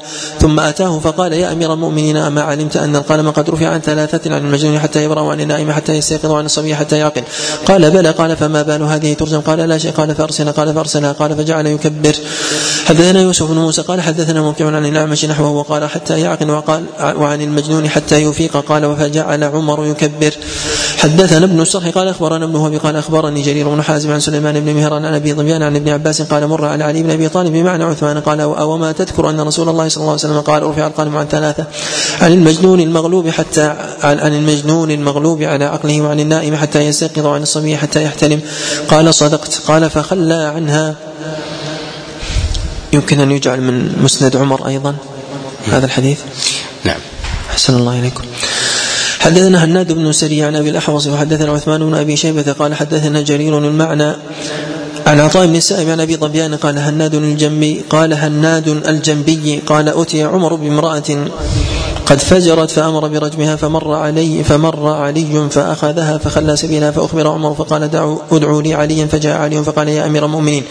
لقد علمت أن رسول الله صلى الله عليه وسلم قال رفع القلم عن ثلاثة عن الصبي حتى يبلغ عن النائم حتى يستيقظ عن المعتوه حتى يبرأ وإن هذه معتوهة بني فلان. لعل الذي اتاها أتاها وهي في بلائها قال فقال عمر لا أدري فقال علي وأنا لا أدري. حدثنا موسى بن إسماعيل قال حدثنا وهيب عن خالد عن أبي الضحى عن علي عن النبي صلى الله عليه وسلم قال رفع القلم عن ثلاثة عن النائم حتى يستيقظ عن الصبي حتى يحترم عن المجنون حتى يعقل. قال أبو داود رواه ابن جريج عن القاسم بن يزيد عن علي عن النبي صلى الله عليه وسلم زاد فيه والخلف باب في الغلام يصيب الحد. حدثنا محمد بن كثير قال أخبرنا سفيان قال أخبرنا عبد الملك بن عمير قال حدثني عطية القرضي قال كنت في كنت من سبي قريضة فكانوا ينظرون في من أنبت الشعر قتل ومن لم ينبت لم يقتل فكنت في من لم ينبت. حدثنا مسدد قال حدثنا أبو عوانة عن عبد الملك بن عمير بهذا الحديث قال فكشفوا عانتي فوجدوها لم تنبت فجعلوني في السبي. حدثنا أحمد بن حنبل قال حدثنا يحيى عن عبيد الله قال أخبرني نافع عن ابن عمر أن النبي صلى الله عليه وسلم عرضه يوم أحد ابن عشر ابن أربع عشرة فلم يجزه وعرضه يوم الخندق. وهو ابن خمس عشرة فأجازه. وفي هذا أن البلوغ يكون بالإنبات ويكون بالسنة الخامسة عشر على ما تقدم. والإنبات للرجل والمرأة والسن للرجل. السن للرجل. والمرأة في ذلك قد تبلغ قبل قبل هذا ولو لم ولو لم تنبت. وقد جاء في هذا من حديث عائشة عند البيهقي قال إذا بلغت الجارية تسع سنين فهي امرأة. هذا يختلف أيضا في البلدان الحارة عن الباردة ويختلف أيضا من نساء إلى إلى نساء. نعم. نعم. أحسن الله إليكم. حدثنا عثمان بن أبي شيبة قال حدثنا ابن إدريس عن عبيد الله بن عمر قال قال نافع حدثت بهذا الحديث عمر بن عبد العزيز فقال إن هذا الحد بين الصغير والكبير. باب الرجل يسرق في الغزو أيقطع؟ حدثنا أحمد بن صالح قال حدثنا عبد الله بن وهب قال أخبرني حيوة عن عياش بن عباس القتباني عن شيم بن بيتان ويزيد بن صبح الأصبحي عن جنادة بن أبي أمية قال كنا مع بسر بن أبي ارطى في البحر فاتي بسارق يقال له مصدر قد قد سرق بختية فقال سمعت رسول الله صلى الله عليه وسلم يقول لا تقطع الأيدي في السفر ولولا ذلك لقطعته باب في قطع النباش حدثنا مسدد قال حدثنا حماد بن زيد عن أبي عمران عن المشعث بن طريف عن عبد الله بن صامت عن أبي ذر قال قال لي رسول الله صلى الله عليه وسلم يا أبا ذر قلت لبيك يا رسول الله وسعديك فقال كيف أنت إذا أصاب الناس موت يكون البيت فيه بالوصف يعني القبر. قلت الله ورسوله أعلم وما خار الله ورسوله قال عليك بالصبر أو قال تصبر. قال أبو داود قال حماد بن أبي سليمان يقطع النباش لأنه دخل على الميت بيته. باب في السارق يسرق مرارا. حدثنا محمد بن عبد الله بن عبيد بن عقيل الهلالي قال حدثنا جدي عن مصعب بن ثابت بن عبد الله بن الزبير قال محمد بن منكدر عن جابر بن عبد الله قال جيء بسارق إلى النبي صلى الله عليه وسلم وقال اقتلوه فقالوا يا رسول الله إنما سرق. فقال اقطعوه قال فقطع ثم جيء به الثانية فقال اقتلوه فقالوا يا رسول الله إنما سرق فقال اقطعوه قال فجيء فقطع ثم جيء به الثالث فقال اقتلوه فقالوا يا رسول الله إنما سرق فقال اقطعوه ثم أتي به الرابع فقال اقتلوه فقالوا يا رسول الله إنما سرق فقال قال اقطعوه فأتي به الخامسة فقال اقتلوه قال جابر فانطلقنا به فقتلناه ثم اجترناه فألقيناه في بئر ورمينا عليه الحجارة. وهذا لا يصح هذا حديث ضعيف. أحسن الله إليكم. باب في تعليق يد السارق في عنقه. حدثنا قتيبة بن سعيد قال حدثنا عمر بن علي قال حدثنا الحجاج عن مكحول عن عبد الرحمن بن محيريز قال سألنا فضالة بن عبيد عن تعليق اليد في عنق في العنق للسارق أمن السنة. هو قال أتي رسول الله صلى الله عليه وسلم يسارق فقطعت يده ثم أمر بها فعلقت في عنقه. باب بيان المملوك إذا سرق حدثنا موسى بن إسماعيل قال حدثنا أبو عوانة عن عمر بن أبي سلمة عن أبيه عن أبي هريرة قال قال رسول الله صلى الله عليه وسلم إذا سرق المملوك فبيعه ولو بنش. قال أبو داود النش نصف الأوقية نصف أوقية والأوقية أربع درهما والنصف والنصف, والنصف أوقية من ذلك والنصف أوقية من ذلك عشرون درهما. وهو كذلك أيضا هذا الحديث ضعيف. ضعفه النسائي وغيره. أحسن الله إليكم. حد باب في الرجم. حدثنا أحمد بن محمد بن ثابت المروزي قال حدثني علي بن الحسين عن أبيه عن يزيد النحوي عن كلمة عن ابن عباس قال واللاتي يأتين الفاحشة من نسائكم فاستشهدوا عليهن أربعة منكم فإن شهدوا فأمسكوهن في البيوت حتى يتوفاهن الموت أو يجعل الله لهن سبيلا. وذكر الرجل بعد المرأة ثم جمعهما فقال واللذان يأتيانها منكم فآذوهما فإن تابا وأصلحا فأعرضوا عنهما. فنسخ ذلك بآية الجلد فقال الزانية والزاني فاجلدوا كل واحد منهما مئة جلدة. حدثنا أحمد بن محمد بن ثابت قال حدثنا موسى يعني بن مسعود عن شبل عن أبي عن ابن أبي نجيح عن مجاهد قال سبيل الحد. قال سفيان فآذوهما البكران فأمسكوهن في البيوت الثيبات. حدثنا مسدد قال حدثنا يحيى عن سعيد بن أبي عروبة عن قتادة عن الحسن عن حيطان بن عبد الله الرقاشي عن عبادة بن صامت قال قال رسول الله صلى الله عليه وسلم خذوا عني خذوا عني قد جعل الله لهن سبيلا. الثيب بالثيب جلد مئة ورمي بالحجارة والبكر بالبكر جلد مئة ونفي سنة. حدثنا وهو بن بقية ومحمد بن صباح بن سفيان قال حدثنا هشيم عن منصور عن الحسن بإسناد يحيى ومعنى قال جلد مئة ورجل. حدثنا محمد بن عوف الطائي قال حدثنا الربيع بن روح بن خليد قال حدثنا محمد بن خالد عن الوهبي قال حدثنا فضل بن دلهم عن الحسن عن سلمة بن المحبق عن عبادة بن صامت عن النبي صلى الله عليه وسلم بهذا الحديث فقال ناس لسعد بن عبادة يا أبا ثابت قد نزلت الحدود لو أنك وجدت مع امرأة رجلا كيف كنت صانعا؟ قال كنت ضاربهما بالسيف حتى يسكتا فأنا فأنا أذهب فأجمع أربعة شهداء فإلى ذلك قد قضى قد قضى الحاجة. فانطلقوا فجمعوا عند رسول الله صلى الله عليه وسلم فقالوا يا رسول الله ألم تر إلى أبي ثابت؟ قال كذا وكذا. فقال رسول الله صلى الله عليه وسلم كفى بسيف شاهدا. ثم قال لا لا أخاف أن يتتايع فيه السكران والغيران. قال أبو داود روى وكيع أول هذا الحديث عن الفضل بن دلهم عن الحسن عن قبيصة بن حريث عن سلمة بن المحبق عن النبي صلى الله عليه وسلم. وإنما هذا إسناد حديث من المحبق أن رجلا وقع على جارية امرأته. قال أبو داود الفضل بن دلهم ليس بالحافظ كان قصابا بواسط. حدثنا عبد الله بن محمد النفيلي قال حدثنا هشيم قال أخبرنا زهير عن عبيد الله بن عبد الله بن عتبة عن عبد الله بن عباس أن عمر بن الخطاب خاطب فقال إن الله عز وجل بعث محمدا صلى الله عليه وسلم بالحق وانزل عليه الكتاب فكان فيما أنزل عليه آية الرجم فقرأناها ووعيناها ورجم رسول الله صلى الله عليه وسلم ورجمنا من بعده وإني خشيت إن طال بالناس زمان أن يقول قائل ما نجد آية الرجم في كتاب الله فيضل بترك فريضة أنزلها الله فالرجم حق على من زنى من الرجال والنساء إذا كان محصنا إذا قامت البينة أو كان حمل أو كان حمل أو اعتراف ويم الله لولا أن يقول الناس زاد عمر في كتاب الله عز وجل لكتبتها. باب رجم ماعز بن مالك. وهذا من الإلهام والتحديث التي أوتيه عمر. ووجد في زماننا من انكر من أنكر الرجم وقال إنه ليس ليس بحد أو قال بنسخه مخالفا في ذلك إجماع القرون. نعم. باب رجم ماعز بن مالك حدثنا محمد بن سليمان الأنباري قال حدثنا وكيع عن هشام بن سعد قال أخبرني يزيد بن نعيم بن هزال عن أبيه قال كان ماعز بن مالك يتيما في حجر أبي فأصاب جارية من الحي فقال له أبي ائت رسول الله صلى الله عليه وسلم فأخبره بما صنعت لعله يستغفر لك وإنما يريد بذلك رجاء أن يكون له مخرجا فقال فأتاه فقال يا رسول الله إني زنيت فاقم علي, علي كتاب الله فأعرض عنه فعاد فقال يا رسول الله إني زنيت فاقم علي كتاب الله فأعرض عنه فعاد فقال يا رسول الله إني زنيت فاقم علي كتاب الله حتى قالها أربع مرار قال صلى الله عليه وسلم انك قد قلتها أربع مرات فبمن قال قال بفلانة فقال هل ضاجعتها؟ قال نعم. قال هل باشرتها؟ قال نعم. قال هل جمعتها؟ قال نعم. قال فأمر به أن يرجم فأخرج به إلى الحرة فلما رجم فوجد مس الحجارة فجزع فجزع فخرج يشتد فلقيه عبد الله بن أنيس وقد عجز أصحابه فنزع له بوظيف بعين فرماه به فقتله. ثم أتى النبي صلى الله عليه وسلم فذكر ذلك له فقال هل تركتموه لعله أن يتوب؟ فيتوب الله عز وجل عليه. الرجوع عن الحد خاص بالزنا أو يقبل في سائر الحدود؟ في الزنا فقط. أحسن الله إليكم. ويجوز أن يلقن. جاء هذا عن عمر جاء عن عطاء وعن غيره. نعم. نعم. أحسن الله إليكم. حدثنا عبيد الله بن عمر بن ميسرة قال حدثنا يزيد بن زريع عن محمد بن إسحاق قال ذكرت لعاصم بن عمر بن قتادة قصة ماعز بن مالك فقال لي حدثني حسن بن محمد بن علي بن أبي طالب قال حدثني ذلك من قول رسول الله صلى الله عليه وسلم فهل تركتموه من شئت من رجال أسلم ممن لا أتهم؟ قال ولم أعرف الحديث. قال فجئت جابر بن عبد الله فقلت إن رجال من أسلم يحدثون أن رسول الله صلى الله عليه وسلم قال لهم حين ذكروا له جزع ماعز من الحجارة حين أصابته ألا تركتموه وما أعرف الحديث؟ قال يا ابن أخي أنا اعلم الناس بهذا الحديث؟ كنت في من رجم الرجل إنا لما خرجنا به فرجمناه فوجد مس الحجاره صرخ بنا يا قوم ردوني إلى رسول الله فإن قومي قتلوني وغروني من نفسي وأخبروني أن رسول الله صلى الله عليه وسلم غير قاتلي فلم ننزع عنه حتى قتلناه فلما رجعنا إلى رسول الله صلى الله عليه وسلم وأخبرناه قال فهلا تركتموه وجئتموني به؟ ليستثبت رسول الله صلى الله عليه وسلم منه فلم فأما لترك حد فلا قال فعرفت وجه الحديث. حدثنا أبو كامل قال حدثني يزيد بن زرع قال حدثنا خالد يعني الحد عن كلمة عن ابن عباس أن معز بن مالك أتى النبي صلى الله عليه وسلم فقال إنه زنى فعرض عنه فعاد عليه مرارا فعرض عنه فسأل قومه امجنون هو؟ قالوا لا ليس به بأس. قالوا ليس به بأس. قال أفعلت بها؟ قال نعم. فأمر به أن يرجم فانطلق به فرجم ولم يصلي عليه.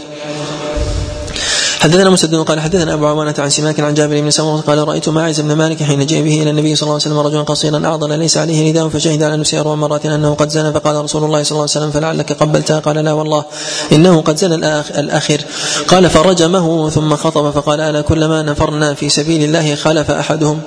ألا كلما نفرنا في سبيل الله خلف أحدهم؟ له نبيب كنبيب تيس يمنح إحداهن الكتبة. أما إن الله عز وجل إن يمكنني من أحد منهم إلا نكلته عنهن. حدثنا محمد المثنى محمد بن جعفر عن محمد عن شعبة عن سماك. قال سمعت جابر بن سمرة في هذا الحديث والأول أتم. قال فرده مرتين. قال سماك. فحدثت به سعيد بن جبير. قال إنه رده أربع مرات. حدثنا عبد الغني بن أبي عقيل المصري. قال حدثنا خالد يعني بن عبد الرحمن. قال حدثنا قال قال, قال شعبة فسألت سماكا عن الكتبة قال اللبن قليل.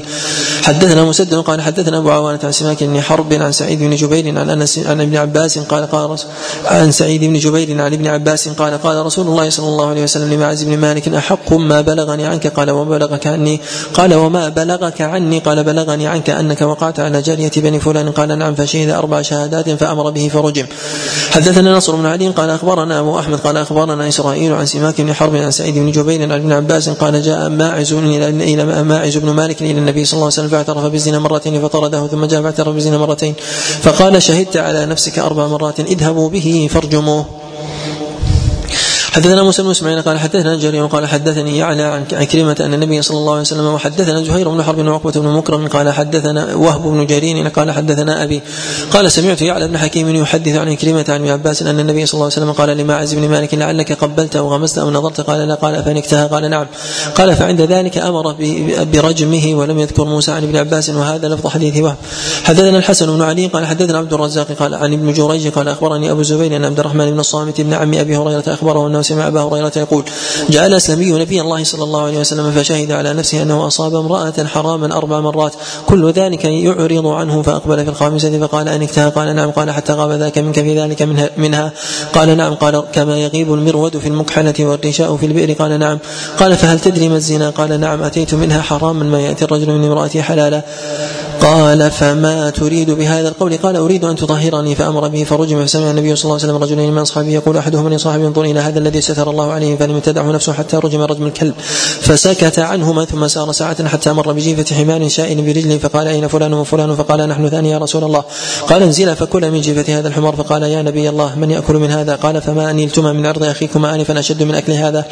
أشد من أكل منه والذي نفسي بيده إنه الآن في أنهار الجنة ينقمس فيها حدثنا الحسن بن علي قال حدثنا أبو عاصم قال حدثنا ابن جريج قال أخبرني أبو الزبير عن ابن عم أبي هريرة عن أبي هريرة بنحوه زاد واختلفوا عليه فقال بعضهم رمط إلى شجرة وقال بعضهم موقف.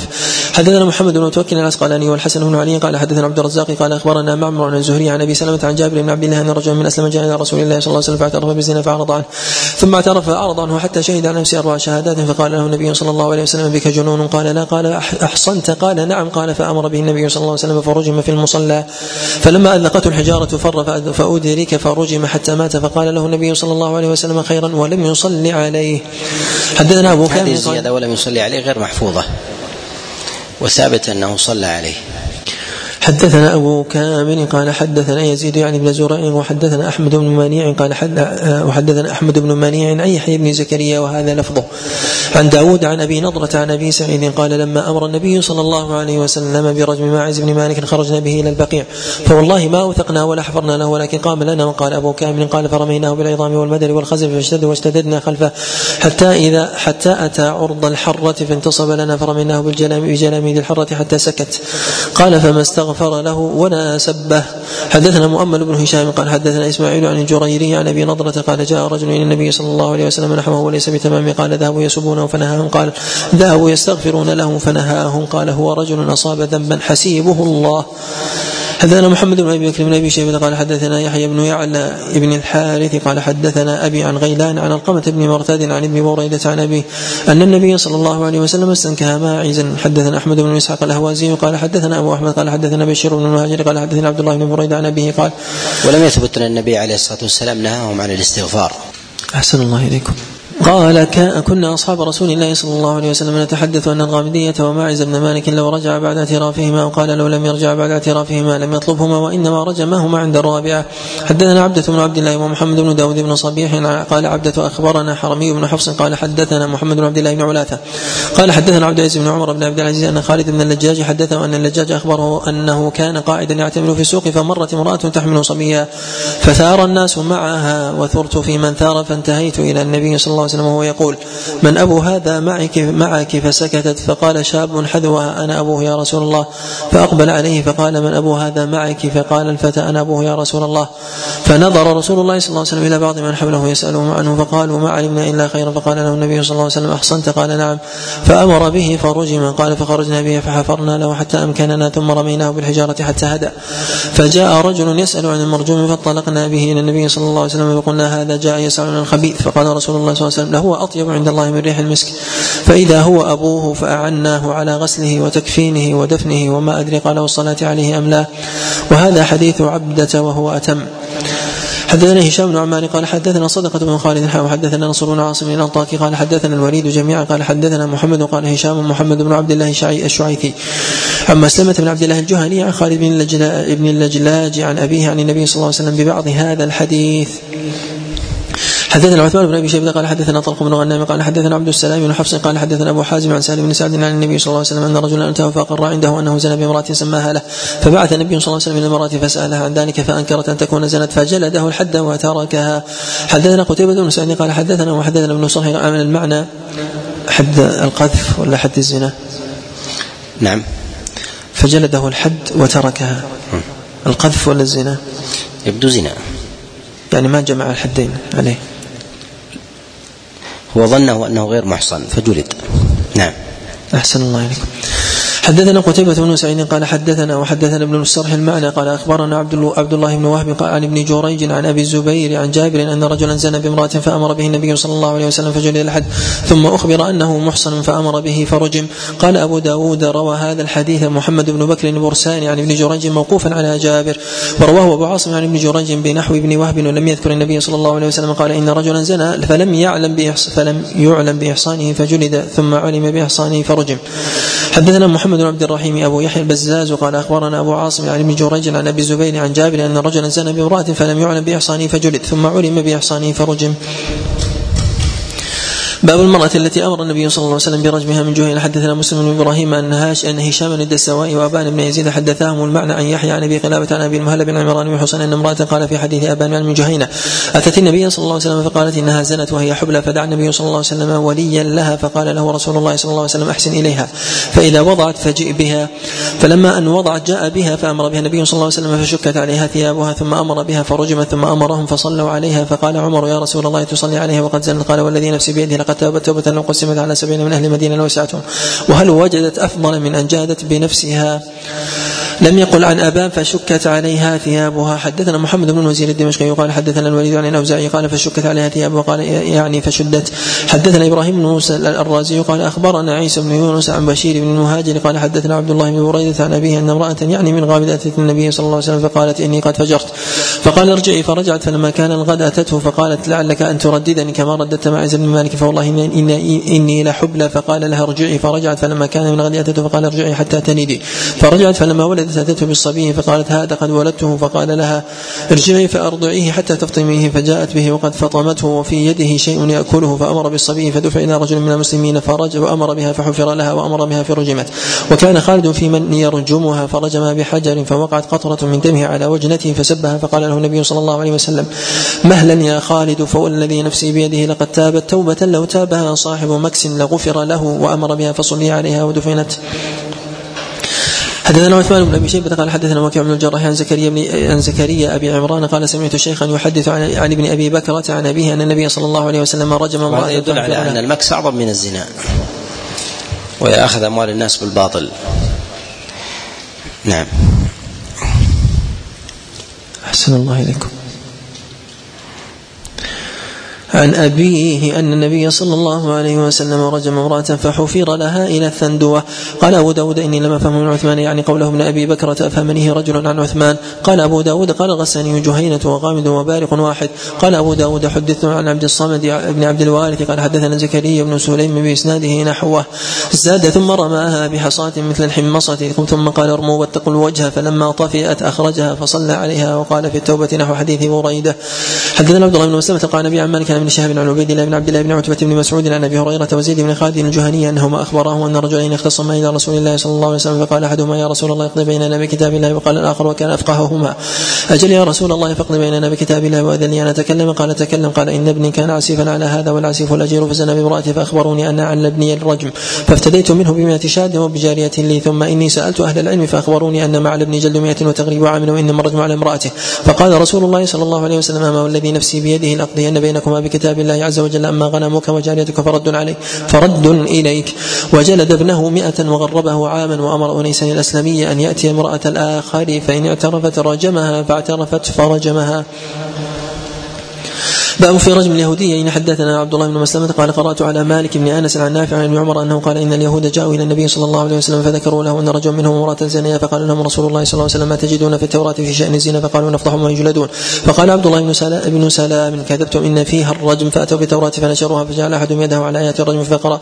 ثم جعل يقرأ ما قبلها وما بعدها. فقال عبد فقال له عبد الله بن سلام ارفع يدك فرفعها فإذا آية الرجم. فإذا فيها آية الرجم فقالوا صدق يا محمد. فيها آية الرجم فأمر بهما رسول الله صلى الله عليه وسلم. فرجم قال عبد الله بن عمر فرأيت الرجل يحني على المرأة يقيها الحجارة. حدثنا مسدد قال حدثنا عبد الواحد بن زياد عن الأعمش عن عبد الله بن مرة عن البراء بن عازم قال مروا على رسول الله صلى الله عليه وسلم يهودي قد حمم وجهه وهو يطاف به فناشده ما حد الزاني في كتابهم. قال فأحالوه على رجل منهم فنشده النبي صلى الله عليه وسلم ما حد الزاني في كتابكم. فقال الرجل ولكن ظهر الزنا في أشرافنا فكرهنا أن يترك الشريف ويقام على من دونه فوضعنا هذا عنا. فأمر به رسول الله صلى الله عليه وسلم فرجم ثم قال اللهم إني أول من أحيا ما أماتوا من كتابك. حدثنا محمد بن علاء قال حدثنا أبو معاوية عن الأعمش عن عبد الله بن مرة عن عبارة بن عازم قال مر على رسول الله صلى الله عليه وسلم بيهودي محمد من مجلود فدعاهم. فقال هكذا تجدون حد الزاني؟ فقالوا نعم. فدعا رجل من علمائهم فقال نشدتك بالله الذي أنزل التوراة على موسى. أهكذا تجدون حد الزاني في كتابكم؟ فقال اللهم لا. ولولا أنك نشدتني بهذا لم أخبرك نجد حد الزاني في كتابنا الرجم. ولكنه كثر في أشرافنا فكنا إذا أخذنا الرجل الشريف تركناه وإذا أخذنا الرجل الضعيف أقمنا عليه الحد فقلنا تعالوا فلنجتمع على شيء نقيمه على الشريف والوضيع فاجتمعنا على التحميم والجلد وتركنا الرجم. فقال رسول الله صلى الله عليه وسلم اللهم إني أول من أحيا أمرك اذ اماتوه فأمر به فرجم فأنزل الله عز وجل يا أيها الرسول لا يحزنك الذين يسارعون في الكفر إلى قوله. يقولون إن أوتيتم هذا فخذوه وإن لم تؤتوه فاحذروا إلى قوله. ومن لم يحكم بما أنزل الله فأولئك هم الكافرون في اليهود إلى قوله. ومن لم يحكم بما أنزل الله فأولئك هم الظالمون في اليهود إلى قوله. ومن لم يحكم بما أنزل الله فأولئك هم الفاسقون. قال هي في الكفار كلها يعني هذه الآية. وتحريف اليهود تحريف معاني. والتحريف في أهل الكتاب على نوعين تحريف حروف وتحريف معاني. التوراة وقع فيها تحريف المعاني أكثر من تحريف الحروف. وأما بالنسبة للإنجيل فوقع فيها تحريف الحروف وتبعه تحريف تحريف المعاني. نعم.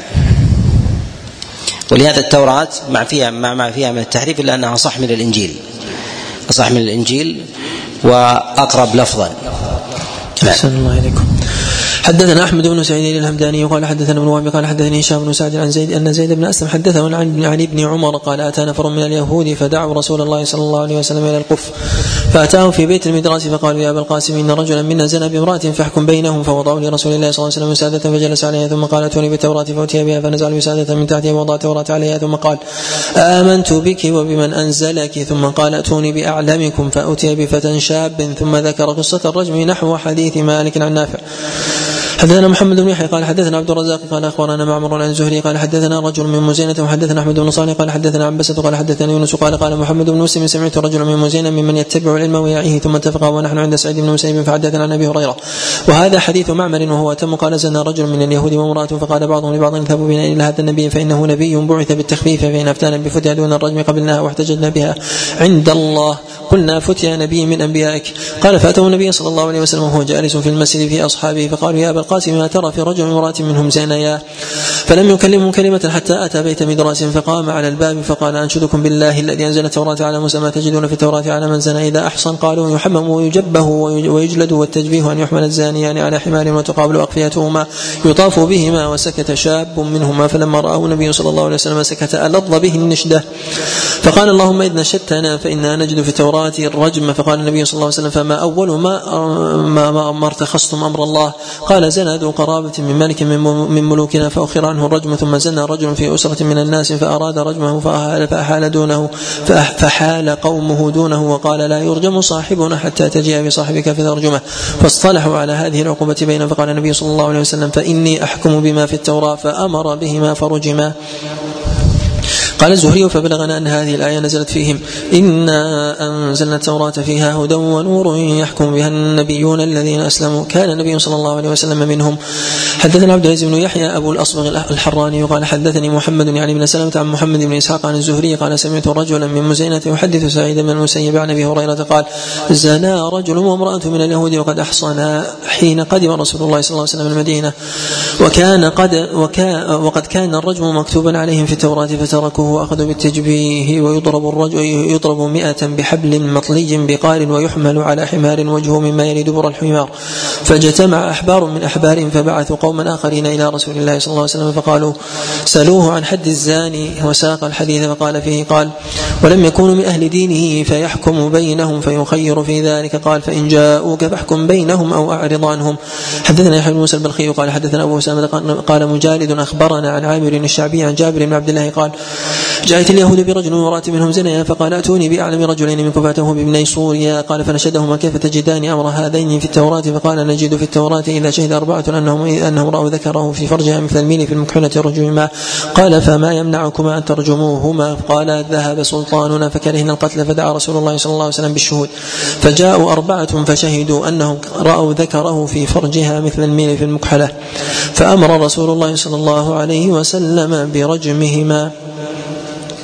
حدثنا وهب بن بقية عن هشيم عن مغيرة عن إبراهيم والشعبي عن النبي صلى الله عليه وسلم نحوه ولم يذكر فدعا بالشهود فشهدوا. حدثنا وهب بن بقية عن هشيم عن ابن شبرمة عن الشعبي بنحوه بنحو منه. حدثنا إبراهيم بن الحسن بن الصيصي قال حدثنا حجاج بن محمد قال قال ابن جريج إنه سمع أبا الزبير أنه سمع جابر بن عبد الله يقول رجم النبي صلى الله عليه وسلم رجلا من أسلم ورجلا من اليهود وامرأة. باب في الرجل يزني بحريمه. حدثنا مسدد قال حدثنا خالد بن عبد الله قال حدثنا مطرف عن أبي الجهم عن البراء بن عازب قال بينما أنا أطوف على إبن لي ضلت إذ أقبل ركب أو فوارس معهم لواء فجعل الأعراب يطيفون بي لمنزلتي من النبي صلى الله عليه وسلم. إذا أتوا قبة فاستخ... إذ أتوا قبة فاستخرجوا منها رجلا فضربوا عنقه. فسألت عنه فذكروا فذكروا أنه أعرس بامرأة أبيه. حدثنا عمير بن قسيط الرقي قال حدثنا عبيد الله بن عمرو عن زيد بن أبي انيسه عن عدي بن ثابت عن زيد بن البراء عن أبيه قال لقيت عمي ومعه رايه فقلت أين تريد؟ قال بعثني رسول الله صلى الله عليه وسلم إلى رجل إنك امرأة أبيه فأمرني أن أضرب عنقه وأخذ ماله.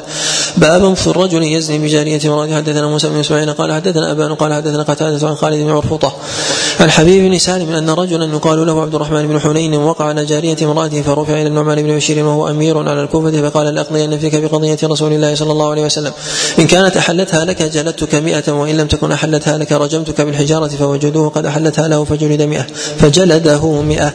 قال قتادة كتبت إلى حبيب بن سالم فكتب إلي بهذا. حدثنا محمد بن وهذا الحديث لا يصح فيه انقطاع له الترمذي وغيره. أحسن الله إليكم. حدثنا محمد بن بشار قال حدثنا محمد بن جعفر عن شعبة عن, عن أبي بشر عن خالد بن عرفطة عن حبيب بن سالم عن نعمان بن بشير عن النبي صلى الله عليه وسلم في الرجل يأتي جارية امرأته. قال إن كانت أحلتها له جلد مئة وإن لم تكن أحلتها له رجمته. حدثنا أحمد بن صالح قال حدثنا عبد الرزاق قال أخبرنا معمر عن قتادة عن الحسن عن قبيصة بن حريث عن سلمة بن المحبق أن رسول الله صلى الله عليه وسلم قضى في رجل وقع على وقع على جارية امرأته إن كانت سكرها فهي حرة وعليه لسيدتها مثلها وإن كانت طاوعت فهي له عليه لسيدتها مثلها. وهذه الأحاديث وما في معناها يعلها النسائي رحمه الله في كتابه السنن. أحسن الله عليكم قال أبو داود روى يونس بن عبيد وعمر بن دينار ومنصور بن زادان وسلام أو وسلام عن الحسن. هذا الحديث بمعناه لم يذكر يونس ومنصور قبيصة.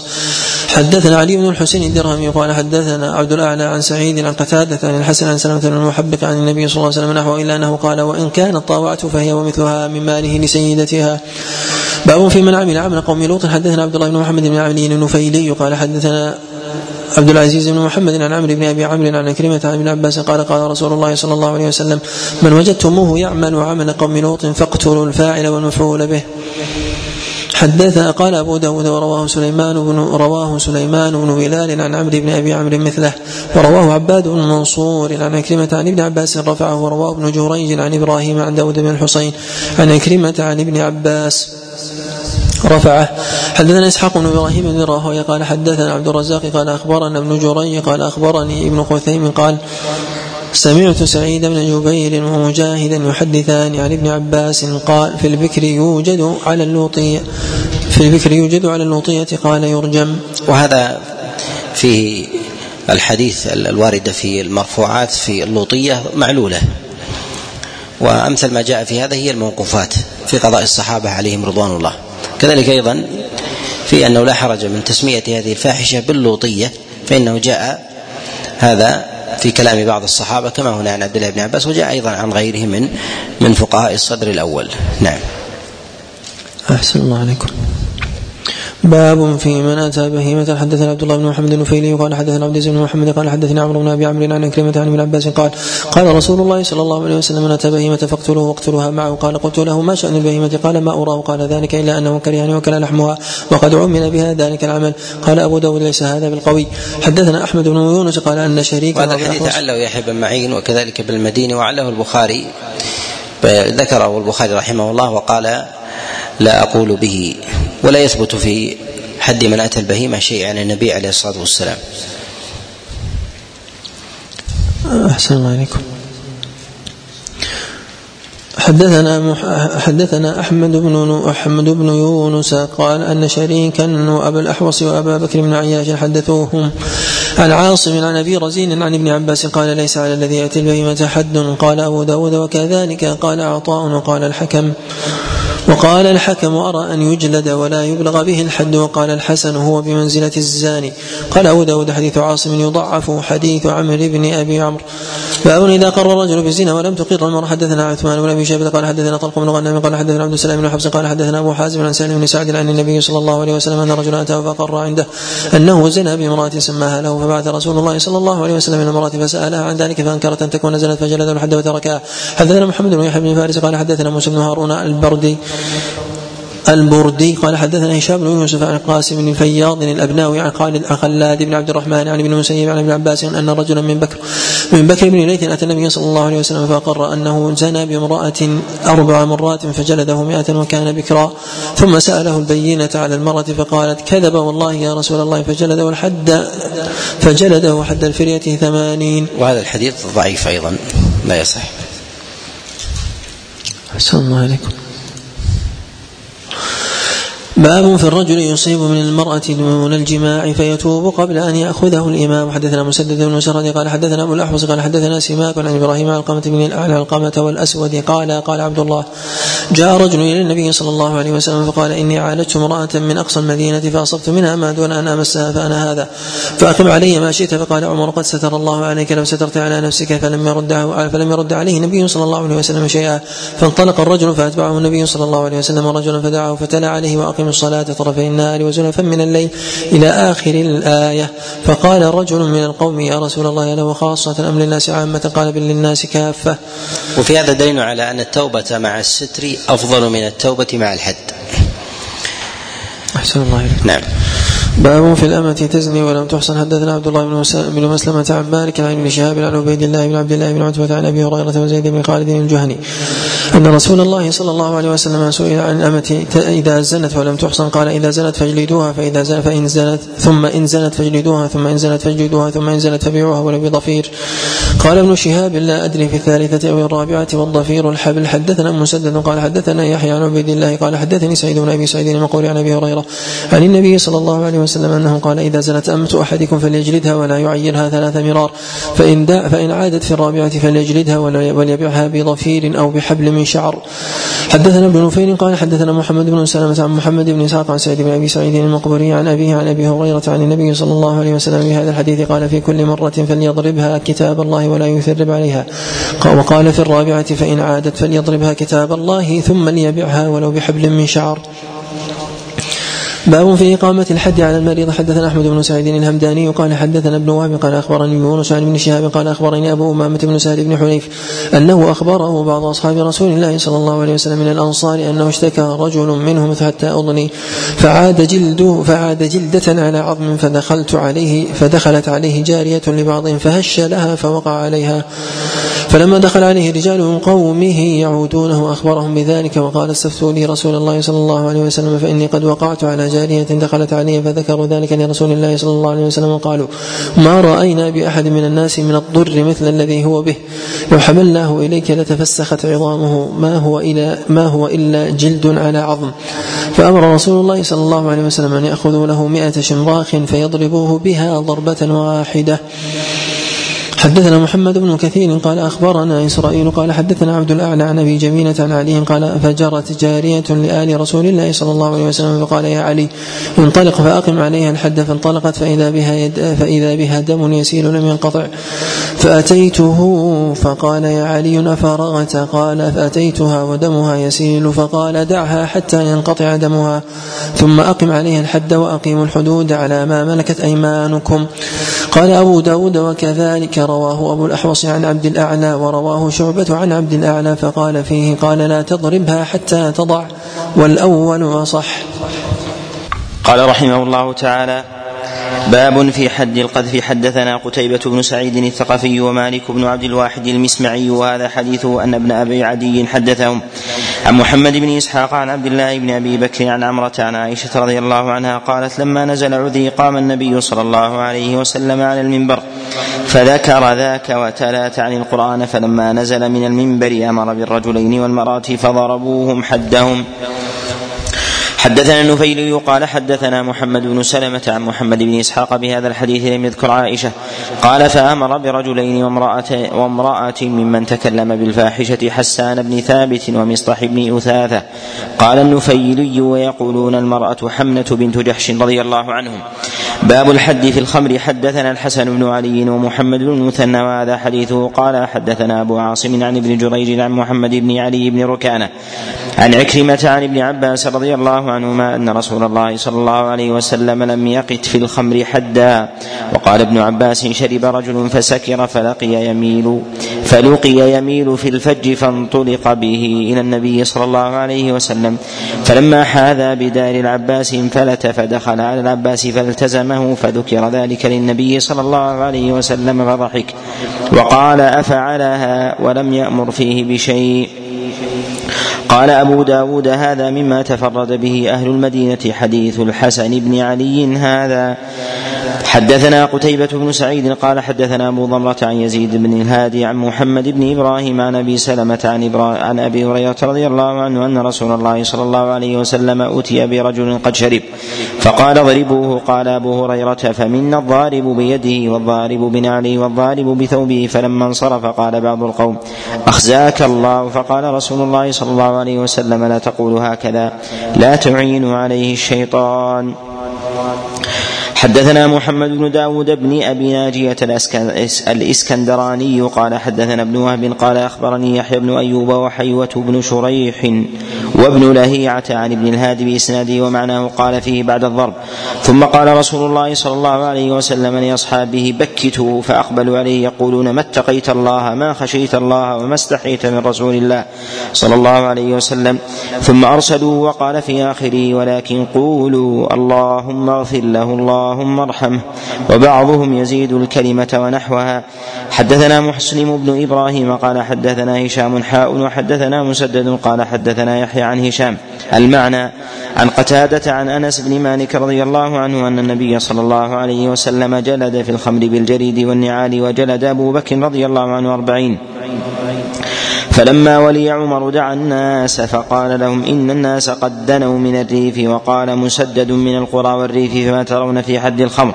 فقال له عبد الرحمن بن عوف نرى أن تجعله كأخف الحدود فجلد فيه ثمانين. قال أبو داود راه ابن أبي عروبة عن قتادة عن النبي صلى الله عليه وسلم أنه جلد بالجريد والنعال أربعين ورواه شعبة عن قتادة عن أنس عن النبي صلى الله عليه وسلم قال ضرب بجريدتين نحو الأربعين. حدثنا مسدد بن مسرهد وموسى بن إسماعيل المعنى قال حدثنا عبد العزيز بن المختار قال حدثنا عبد الله الداناج قال حدثني حضين بن المنذر الرقاشي هو أبو ساسان قال شهدت عثمان بن عفان. رضي الله عنه وأتي بالوليد بن عقبة فشهد عليه حمران ورجل آخر فشهد أحدهما أنه رآه شربها يعني الخمر وشهد الآخر أنه رآه يتقيأها فقال عثمان إنه لم يتقيأها حتى شربها فقال يعني رضي الله عنه أقم عليه الحد. فقال علي للحسن أقم عليه الحد فقال الحسن ول حارها من تولى قارها. فقال علي لعبد الله بن جعفر أقم عليه الحد فقال فأخذ السوط فجلده وعلي يعد. فلما بلغ أربعين قال حسبك جلد النبي صلى الله عليه وسلم أربعين أحسبه قال وجلد أبو بكر أربعين وعمر ثمانين. وكل سنة وهذا أحب إلي. حدثنا مسدد قال حدثنا يحيى عن ابن أبي عروبة عن الداناج عن حضين بن المنذر عن علي رضي الله عنه قال جلد رسول الله صلى الله عليه وسلم في الخمر وابو بكر أربعين وكمل عمر ثمانين وكل سنة. قال أبو داود وقال الأصمعي واللي حارها من تولى قارها واللي شديدا من تولى هينها. قال أبو داود هذا كان سيد قومه حضين بن المنذر أبو ساسان. باب إذا تتابع في شرب الخمر. حدثنا موسى بن إسماعيل قال حدثنا أبان عن عاصم عن أبي صالح ذكوان عن معاوية بن أبي سفيان رضي الله عنهما قال قال رسول الله صلى الله عليه وسلم إذا شربوا الخمر فجدوهم ثم إن شربوا فجدوهم ثم إن شربوا فجدوهم ثم إن شربوا فاقتلوهم حدثنا موسى بن إسماعيل قال حدثنا حماد عن حميد بن يزيد عن نافع عن ابن عمر رضي الله عنهما أن رسول الله صلى الله عليه وسلم قال بهذا المعنى قال وأحسبه قال في الخامسة إن شربها فاقتلوه. قال أبو داود وكذا في حديث أبي غطيف في الخامسة. حدثنا نصر بن عاصم الأنطاكي قال حدثنا يزيد بن هارون الواسطي قال حدثنا ابن أبي ذئب عن الحارث بن عبد الرحمن عن أبي سلمة عن أبي هريرة رضي الله عنه قال قال رسول الله صلى الله عليه وسلم إذا سكر فاجلدوا ثم إن سكر فاجلدوا ثم إن سكر فاجلدوا فإن عاد الرابعة فاقتلوه. قال أبو داود وكذا حديث عمر بن أبي سلمة عن أبي عن أبي هريرة رضي الله عنه عن النبي صلى الله عليه وسلم إذا شرب الخمر فاجلدوا فإن عاد الرابعة فاقتلوه. قال أبو داود وكذا حديث سهيل عن أبي صالح عن أبي هريرة. عن النبي صلى الله عليه وسلم إن شربوا الرابعة فاقتلوا وكذا حديث ابن أبي نعم عن ابن عمر عن النبي صلى الله عليه وسلم وكذا حديث عبد الله بن عمرو عن النبي صلى الله عليه وسلم والشريد عن النبي صلى الله عليه وسلم وفي حديث الجدلي عن معاوية. أن النبي صلى الله عليه وسلم قال فإن عاد في الثالثة أو الرابعة فاقتلوه. حدثنا أحمد بن عبدة الضبي قال حدثنا سفيان قال الزهري أخبرنا عن عن قبيصة بن ذؤيب أن النبي صلى الله عليه وسلم قال من شرب الخمر فجلدوه فإن عاد فجلدوه فإن عاد فجلدوه فإن عاد في الثالثة والرابعة فاقتلوه. فأتي برجل قد شرب فجلده ثم أتي به فجلده ثم أتي به فجلده ثم أتي به فجلده ورفع القتل فكانت رخصة. قال سفيان حدث الزهري بهذا الحديث وعنده منصور بن المعتمر ومخول بن بن راشد فقال لهما مخول. ومخول بن راشد. فقال لهما كونا وافدي أهل العراق بهذا الحديث. قال أبو داود روى هذا الحديث الشريد بن سويد وشرحبيل بن أوس وعبد الله بن عمرو وعبد الله بن عمر وأبو غطيف الكندي وأبو غطيف الكندي وأبو سلمة بن عبد الرحمن. عن أبي هريرة رضي الله عنهم. حدثنا إسماعيل بن موسى الفزاري قال حدثنا شريك عن أبي حض عن أبي حصين عن عمير بن سعد عن علي رضي الله عنه قال لا أدري قال لا أدي أو ما كنت لأدي من أقمت عليه حدا إلا شارب الخمر. فإن رسول الله صلى الله عليه وسلم لم يسن فيه شيئا إنما هو شيء قلناه نحن. حدثنا سليمان بن داود المهري المصري بن أخي رشدين بن سعد قال أخبرنا ابن وهب قال أخبرنا أسامة بن زيد أن ابن شهاب حدثه. عن عبد الرحمن بن أزهر قال كأني أنظر إلى رسول الله صلى الله عليه وسلم الآن وهو في الرحال يلتمس رحل خالد بن الوليد. فبينما هو كذلك إذ أتي برجل قد شرب الخمر فقال للناس اضربوه فمنهم من ضربه بالنعال ومنهم من ضربه بالعصا ومنهم من ضربه بالمتيخة قال ابن وهب الجريدة الرطبة. ثم أخذ رسول الله صلى الله عليه وسلم ترابا من الأرض فرمى به في وجهه. حدثنا ابن السرح قال وجدت في كتاب خالي عبد الرحمن بن عبد الحميد عن عقيل عن أن ابن شهاب أخبره أن عبد الله بن عبد الرحمن ابن عبد الرحمن بن الأزهر أخبره عن أبيه قال اتي النبي صلى الله عليه وسلم بشارب وهو بحنين. فحثى في وجهه التراب ثم أمر أصحابه فضربوا بنعالهم وما كان في أيديهم حتى قال لهم ارفعوا فرفعوا. فتوفي رسول الله صلى الله عليه وسلم ثم جلد أبو بكر في الخمر أربعين ثم جلد عمر أربعين صدرا من إمارته ثم جلد ثمانين في آخر خلافته ثم جلد عثمان الحدين كليهما ثمانين وأربعين ثم أثبت معاوية الحد ثمانين.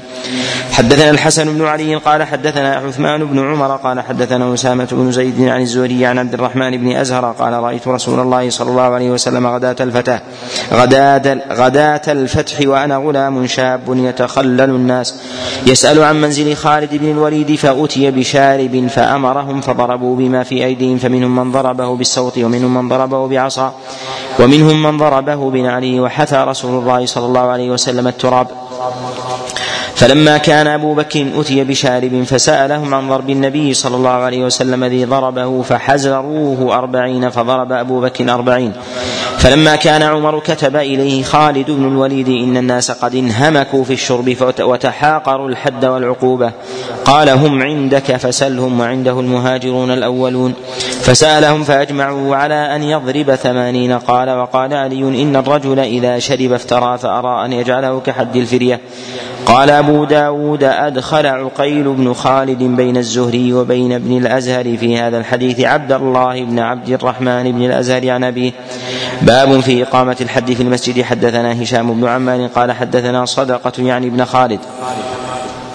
قال حدثنا الشعيثي عن زفر بن وثيمة عن حكيم بن حزام رضي الله عنه قال نهى رسول الله صلى الله عليه وسلم أن يستقاد في المسجد وأن تنشد فيه الأشعار وأن تقام فيه الحدود. زفر فيه جهالة ولم يسمع من حكيم بن حزام والحديث ضعيف. قال رحمه الله باب في التعزير. حدثنا قتيبة بن سعيد قال حدثنا الليث عن يزيد بن أبي حبيب عن بكير بن عبد الله بن الأشج عن سليمان بن يسار عن عبد الرحمن بن جابر بن عبد الله عن أبي بردة أن رسول الله صلى الله عليه وسلم قال لا يجلد فوق عشر جلدات إلا في حد من حدود الله عز وجل. حدثنا أحمد بن صالح قال حدثنا ابن وهب قال أخبرني عمرو أن بكير بن الأشج حدثه عن سليمان بن يسار قال حدثني عبد الرحمن بن جابر أن أباه أنه سمع أبا بردة الأنصاري يقول سمعت رسول الله صلى الله عليه وسلم فذكر يقول فذكر معناه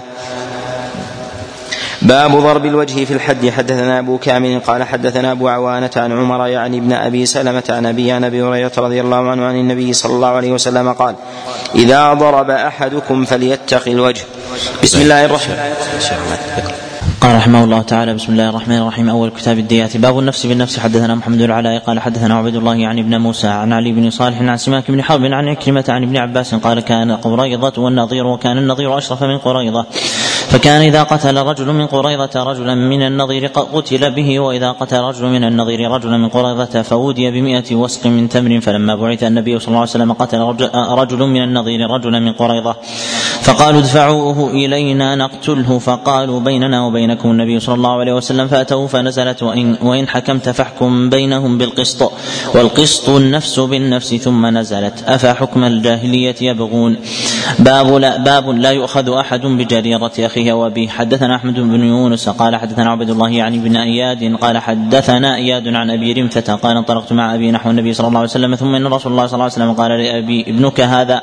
قال إي ورب الكعبة. قال حقا. قال أشهد به. قال فتبسم رسول الله صلى الله عليه وسلم ضاحكا من ثبت شبهي في أبي. ومن ومن حلف أبي علي. ثم قال أما إنه لا يجني عليك ولا تجني عليه. وقال رسول الله صلى الله عليه وسلم ولا تزر وازرة وزر أخرى. باب الإمام يأمر بعفو بالعفو في الدم. حدثنا موسى بن إسماعيل قال حدثنا أحمد قال أخبرنا محمد بن إسحاق عن الحارث بن الفضيل عن سفيان بن أبي العوجاء عن أبي شريح الخزاعي النبي صلى الله عليه وسلم قال من أصيب بقتل أو خبل فإنه يختار إحدى ثلاث إما أن يقتص وإما أن يعفو وإما أن يأخذ الدية. فإن أراد الرابعة فخذوا على يديه ومن اعتدى بعد ذلك فله عذاب أليم. حدثنا موسى بن إسماعيل قال حدثنا عبد الله بن بكر بن عبد الله المزني عن عطاء بن أبي ميمونة عن أنس بن مالك قال ما رأيت النبي صلى الله عليه وسلم رفع إليه شيء فيه قصاص إلا أمر فيه بالعفو.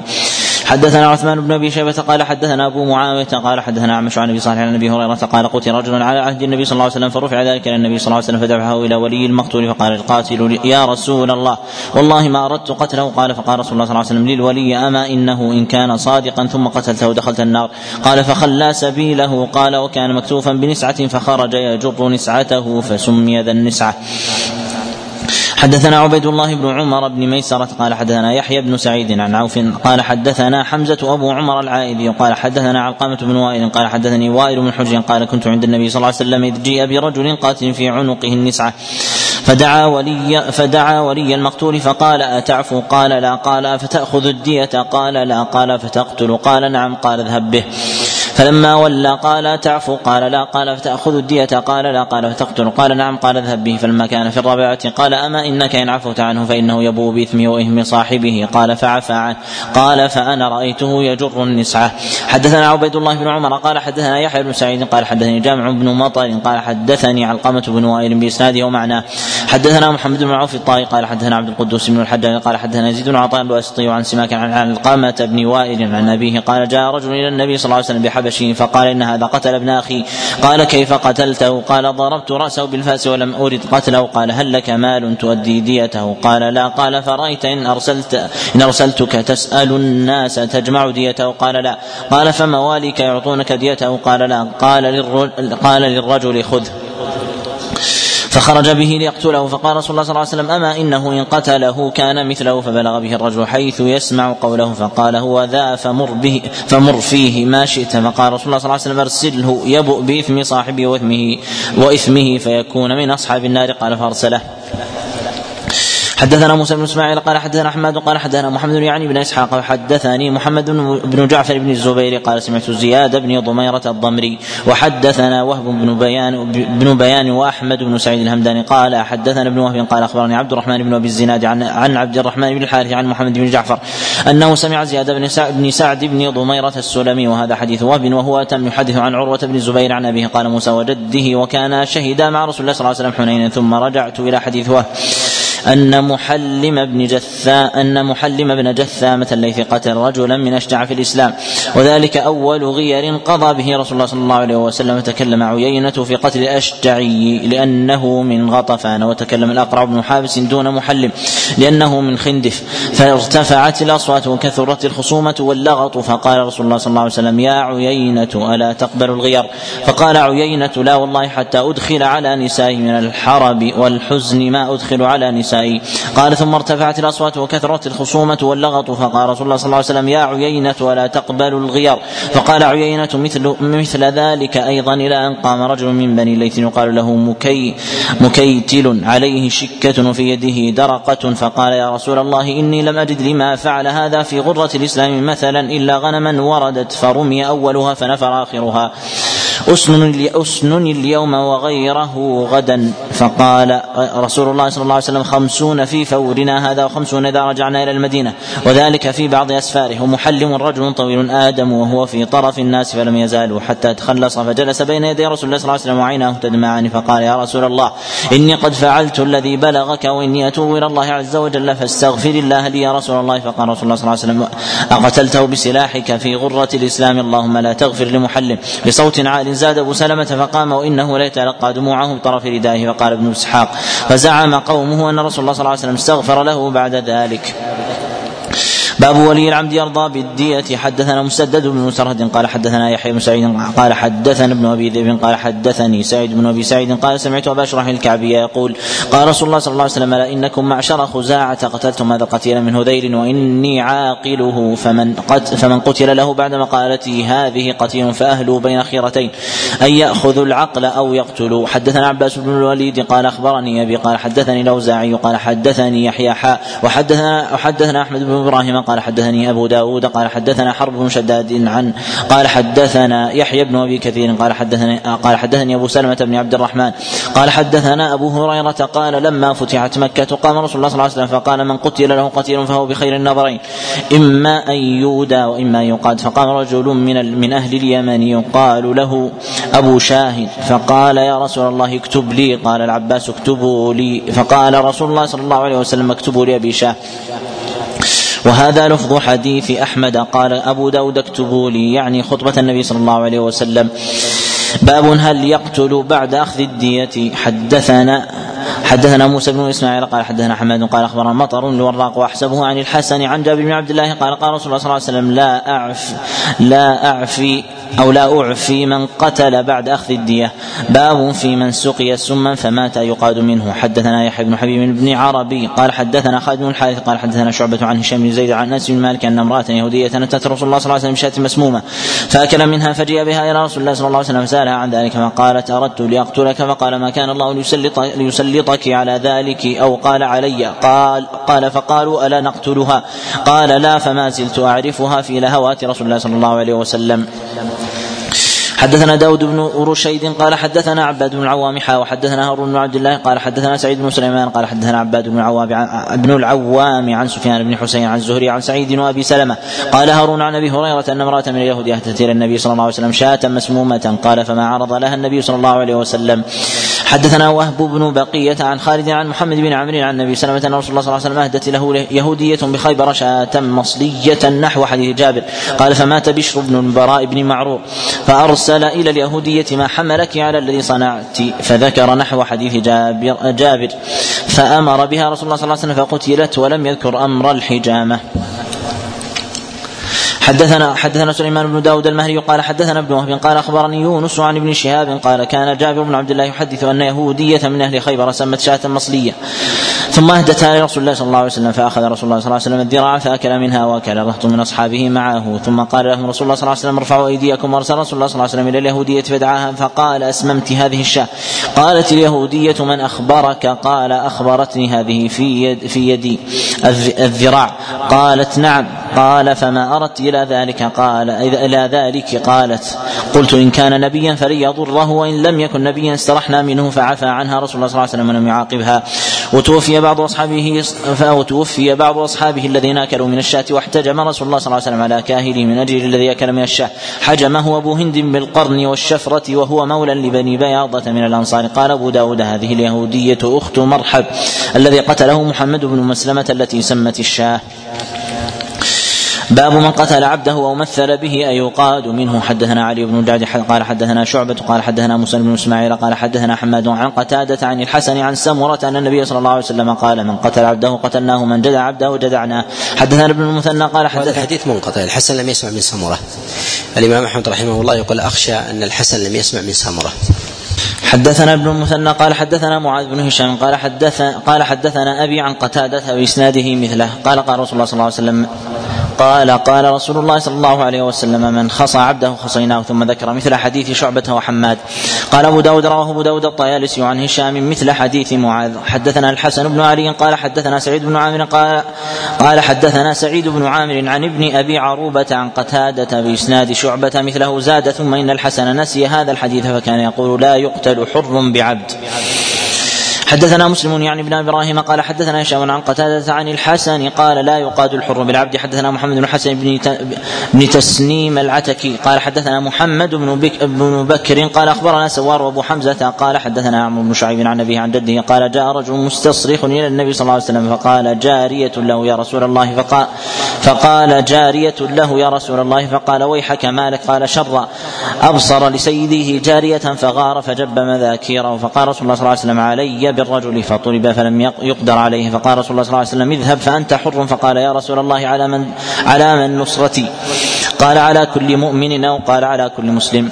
باب القتل بالقسامه حدثنا عبيد الله بن عمر بن ميسرة ومحمد بن عبيد المعنى. قال حدثنا أحمد بن زيد عن يحيى بن سعيد عن بشير بن يسار عن سار بن أبي حثمة ورافع بن خديجة أن محيصة بن مسعود وعبد الله بن سهل انطلقا قبل خيبر فتفرقا في النخل فقتل عبد الله بن سهل فاتهموا اليهود فجاء أخو عبد أخو عبد الرحمن بن سهل وابن وابنا عمه.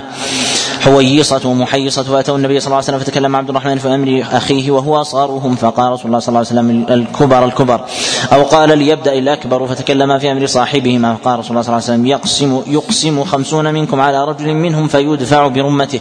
قالوا أمر لم نشهده كيف نحلف؟ قال فتبرئكم أو فتبرئكم يهود بأيمان خمس بأيمان خمسين منهم. قالوا يا رسول الله قوم كفار. قال فوداه رسول الله صلى الله عليه وسلم من قبله قال قال سهل. دخلت مربدا لهم يوما فركضتني ناقة من تلك الإبل ركضة برجلها هذا أو نحوه. قال أبو داود رواه بشر بن المفضل ومالك عن يحيى بن سعيد. قال فيه قال تحلفون خمسين يمينا وتستحقون دم صاحبكم ولم يذكر بشر دما. وقال عد وقال عدة عن يحيى كما قال حماد. ورواه ابن عيينة عن يحيى فبدأ بقوله تبرئ تبرئكم يهود بخمسين يمينا تحلفون ولم يذكر ولم يذكر الاستحقاق وهذا وهم من وهذا وهم من ابن عيينة. حدثنا أحمد بن عمرو بن السرح قال أخبرنا ابن وهب قال أخبرني مالك عن ابن عن, عن أبي ليلى بن عبد الله بن عبد الرحمن بن سهل عن سهل بن أبي حثمة أنه أخبره هو ورجال من كبراء قومه أن عبد الله بن سهل ومحيصه خرج إلى إلى خيبر. من جهد أصابهم فأوتي محيصة فأخبر أن عبد الله بن سهل قتل وطرح في فقير أو عين. فأتى يهود فقال أنتم والله قتلتموه؟ قالوا والله ما قتلناهم فأقبل حتى قدم على قومه فذكر لهم ذلك ثم أقبل هو وأخوه حويصة وهو أكبر منه. وعبد الرحمن بن سهل فذهب محيصة ليتكلم وهو الذي كان بخيبر فقال له رسول الله صلى الله عليه وسلم كبر كبر. يريد السن فتكلم حويصة فتكلم حويصة ثم تكلم محيصة فقال رسول الله صلى الله عليه وسلم إما أن يدوا صاحبكم وإما أن يؤذنوا بحرب فكتب إليهم رسول الله صلى الله عليه وسلم بذلك فكتبوا إنا والله ما قتلناه. فقال رسول الله صلى الله عليه وسلم لحويصة ومحيصة وعبد الرحمن أتحلفون وتستحقون دم صاحبكم؟ قالوا لا. قال فتحلفوا لكم يهود؟ قالوا ليسوا مسلمين فوداه رسول الله صلى الله عليه وسلم من عنده فبعث إليهم مئة ناقة حتى أدخلت عليهم الدار. قال سهل لقد ركضتني منها ناقة حمراء. وفي هذا تقدم وفي هذا يقدم الأكبر في الكلام ويقدم أيضا في الدخول وفي المجلس من الإخوة إجلالا وتعظيما ولو كان السن الفارق يسيرا. نعم. صلى الله عليكم. حدثنا محمود بن خالد وكثير بن عبيد قال حدثنا وحدثنا محمد بن الصباح بن سفيان قال أخبرنا الوليد عن أبي عمرو هو وهو ابن عمرو عن عمرو بن شعيب عن رسول الله صلى الله عليه وسلم أنه قتل بقسامة رجلا من بني نصر بن مالك ببحرة ببحرة الرغاء أو الرغاء على شط لية البحرة فقال القاتل والمقتول منهم هذا لفظ محمد والبحرة. وقامه محمود وحده. قال بعضهم بنحوه. باب ترك يكفي, يكفي. توقف ونكمل بعد الصلاة. صلى الله وسلم وبارك على نبينا محمد.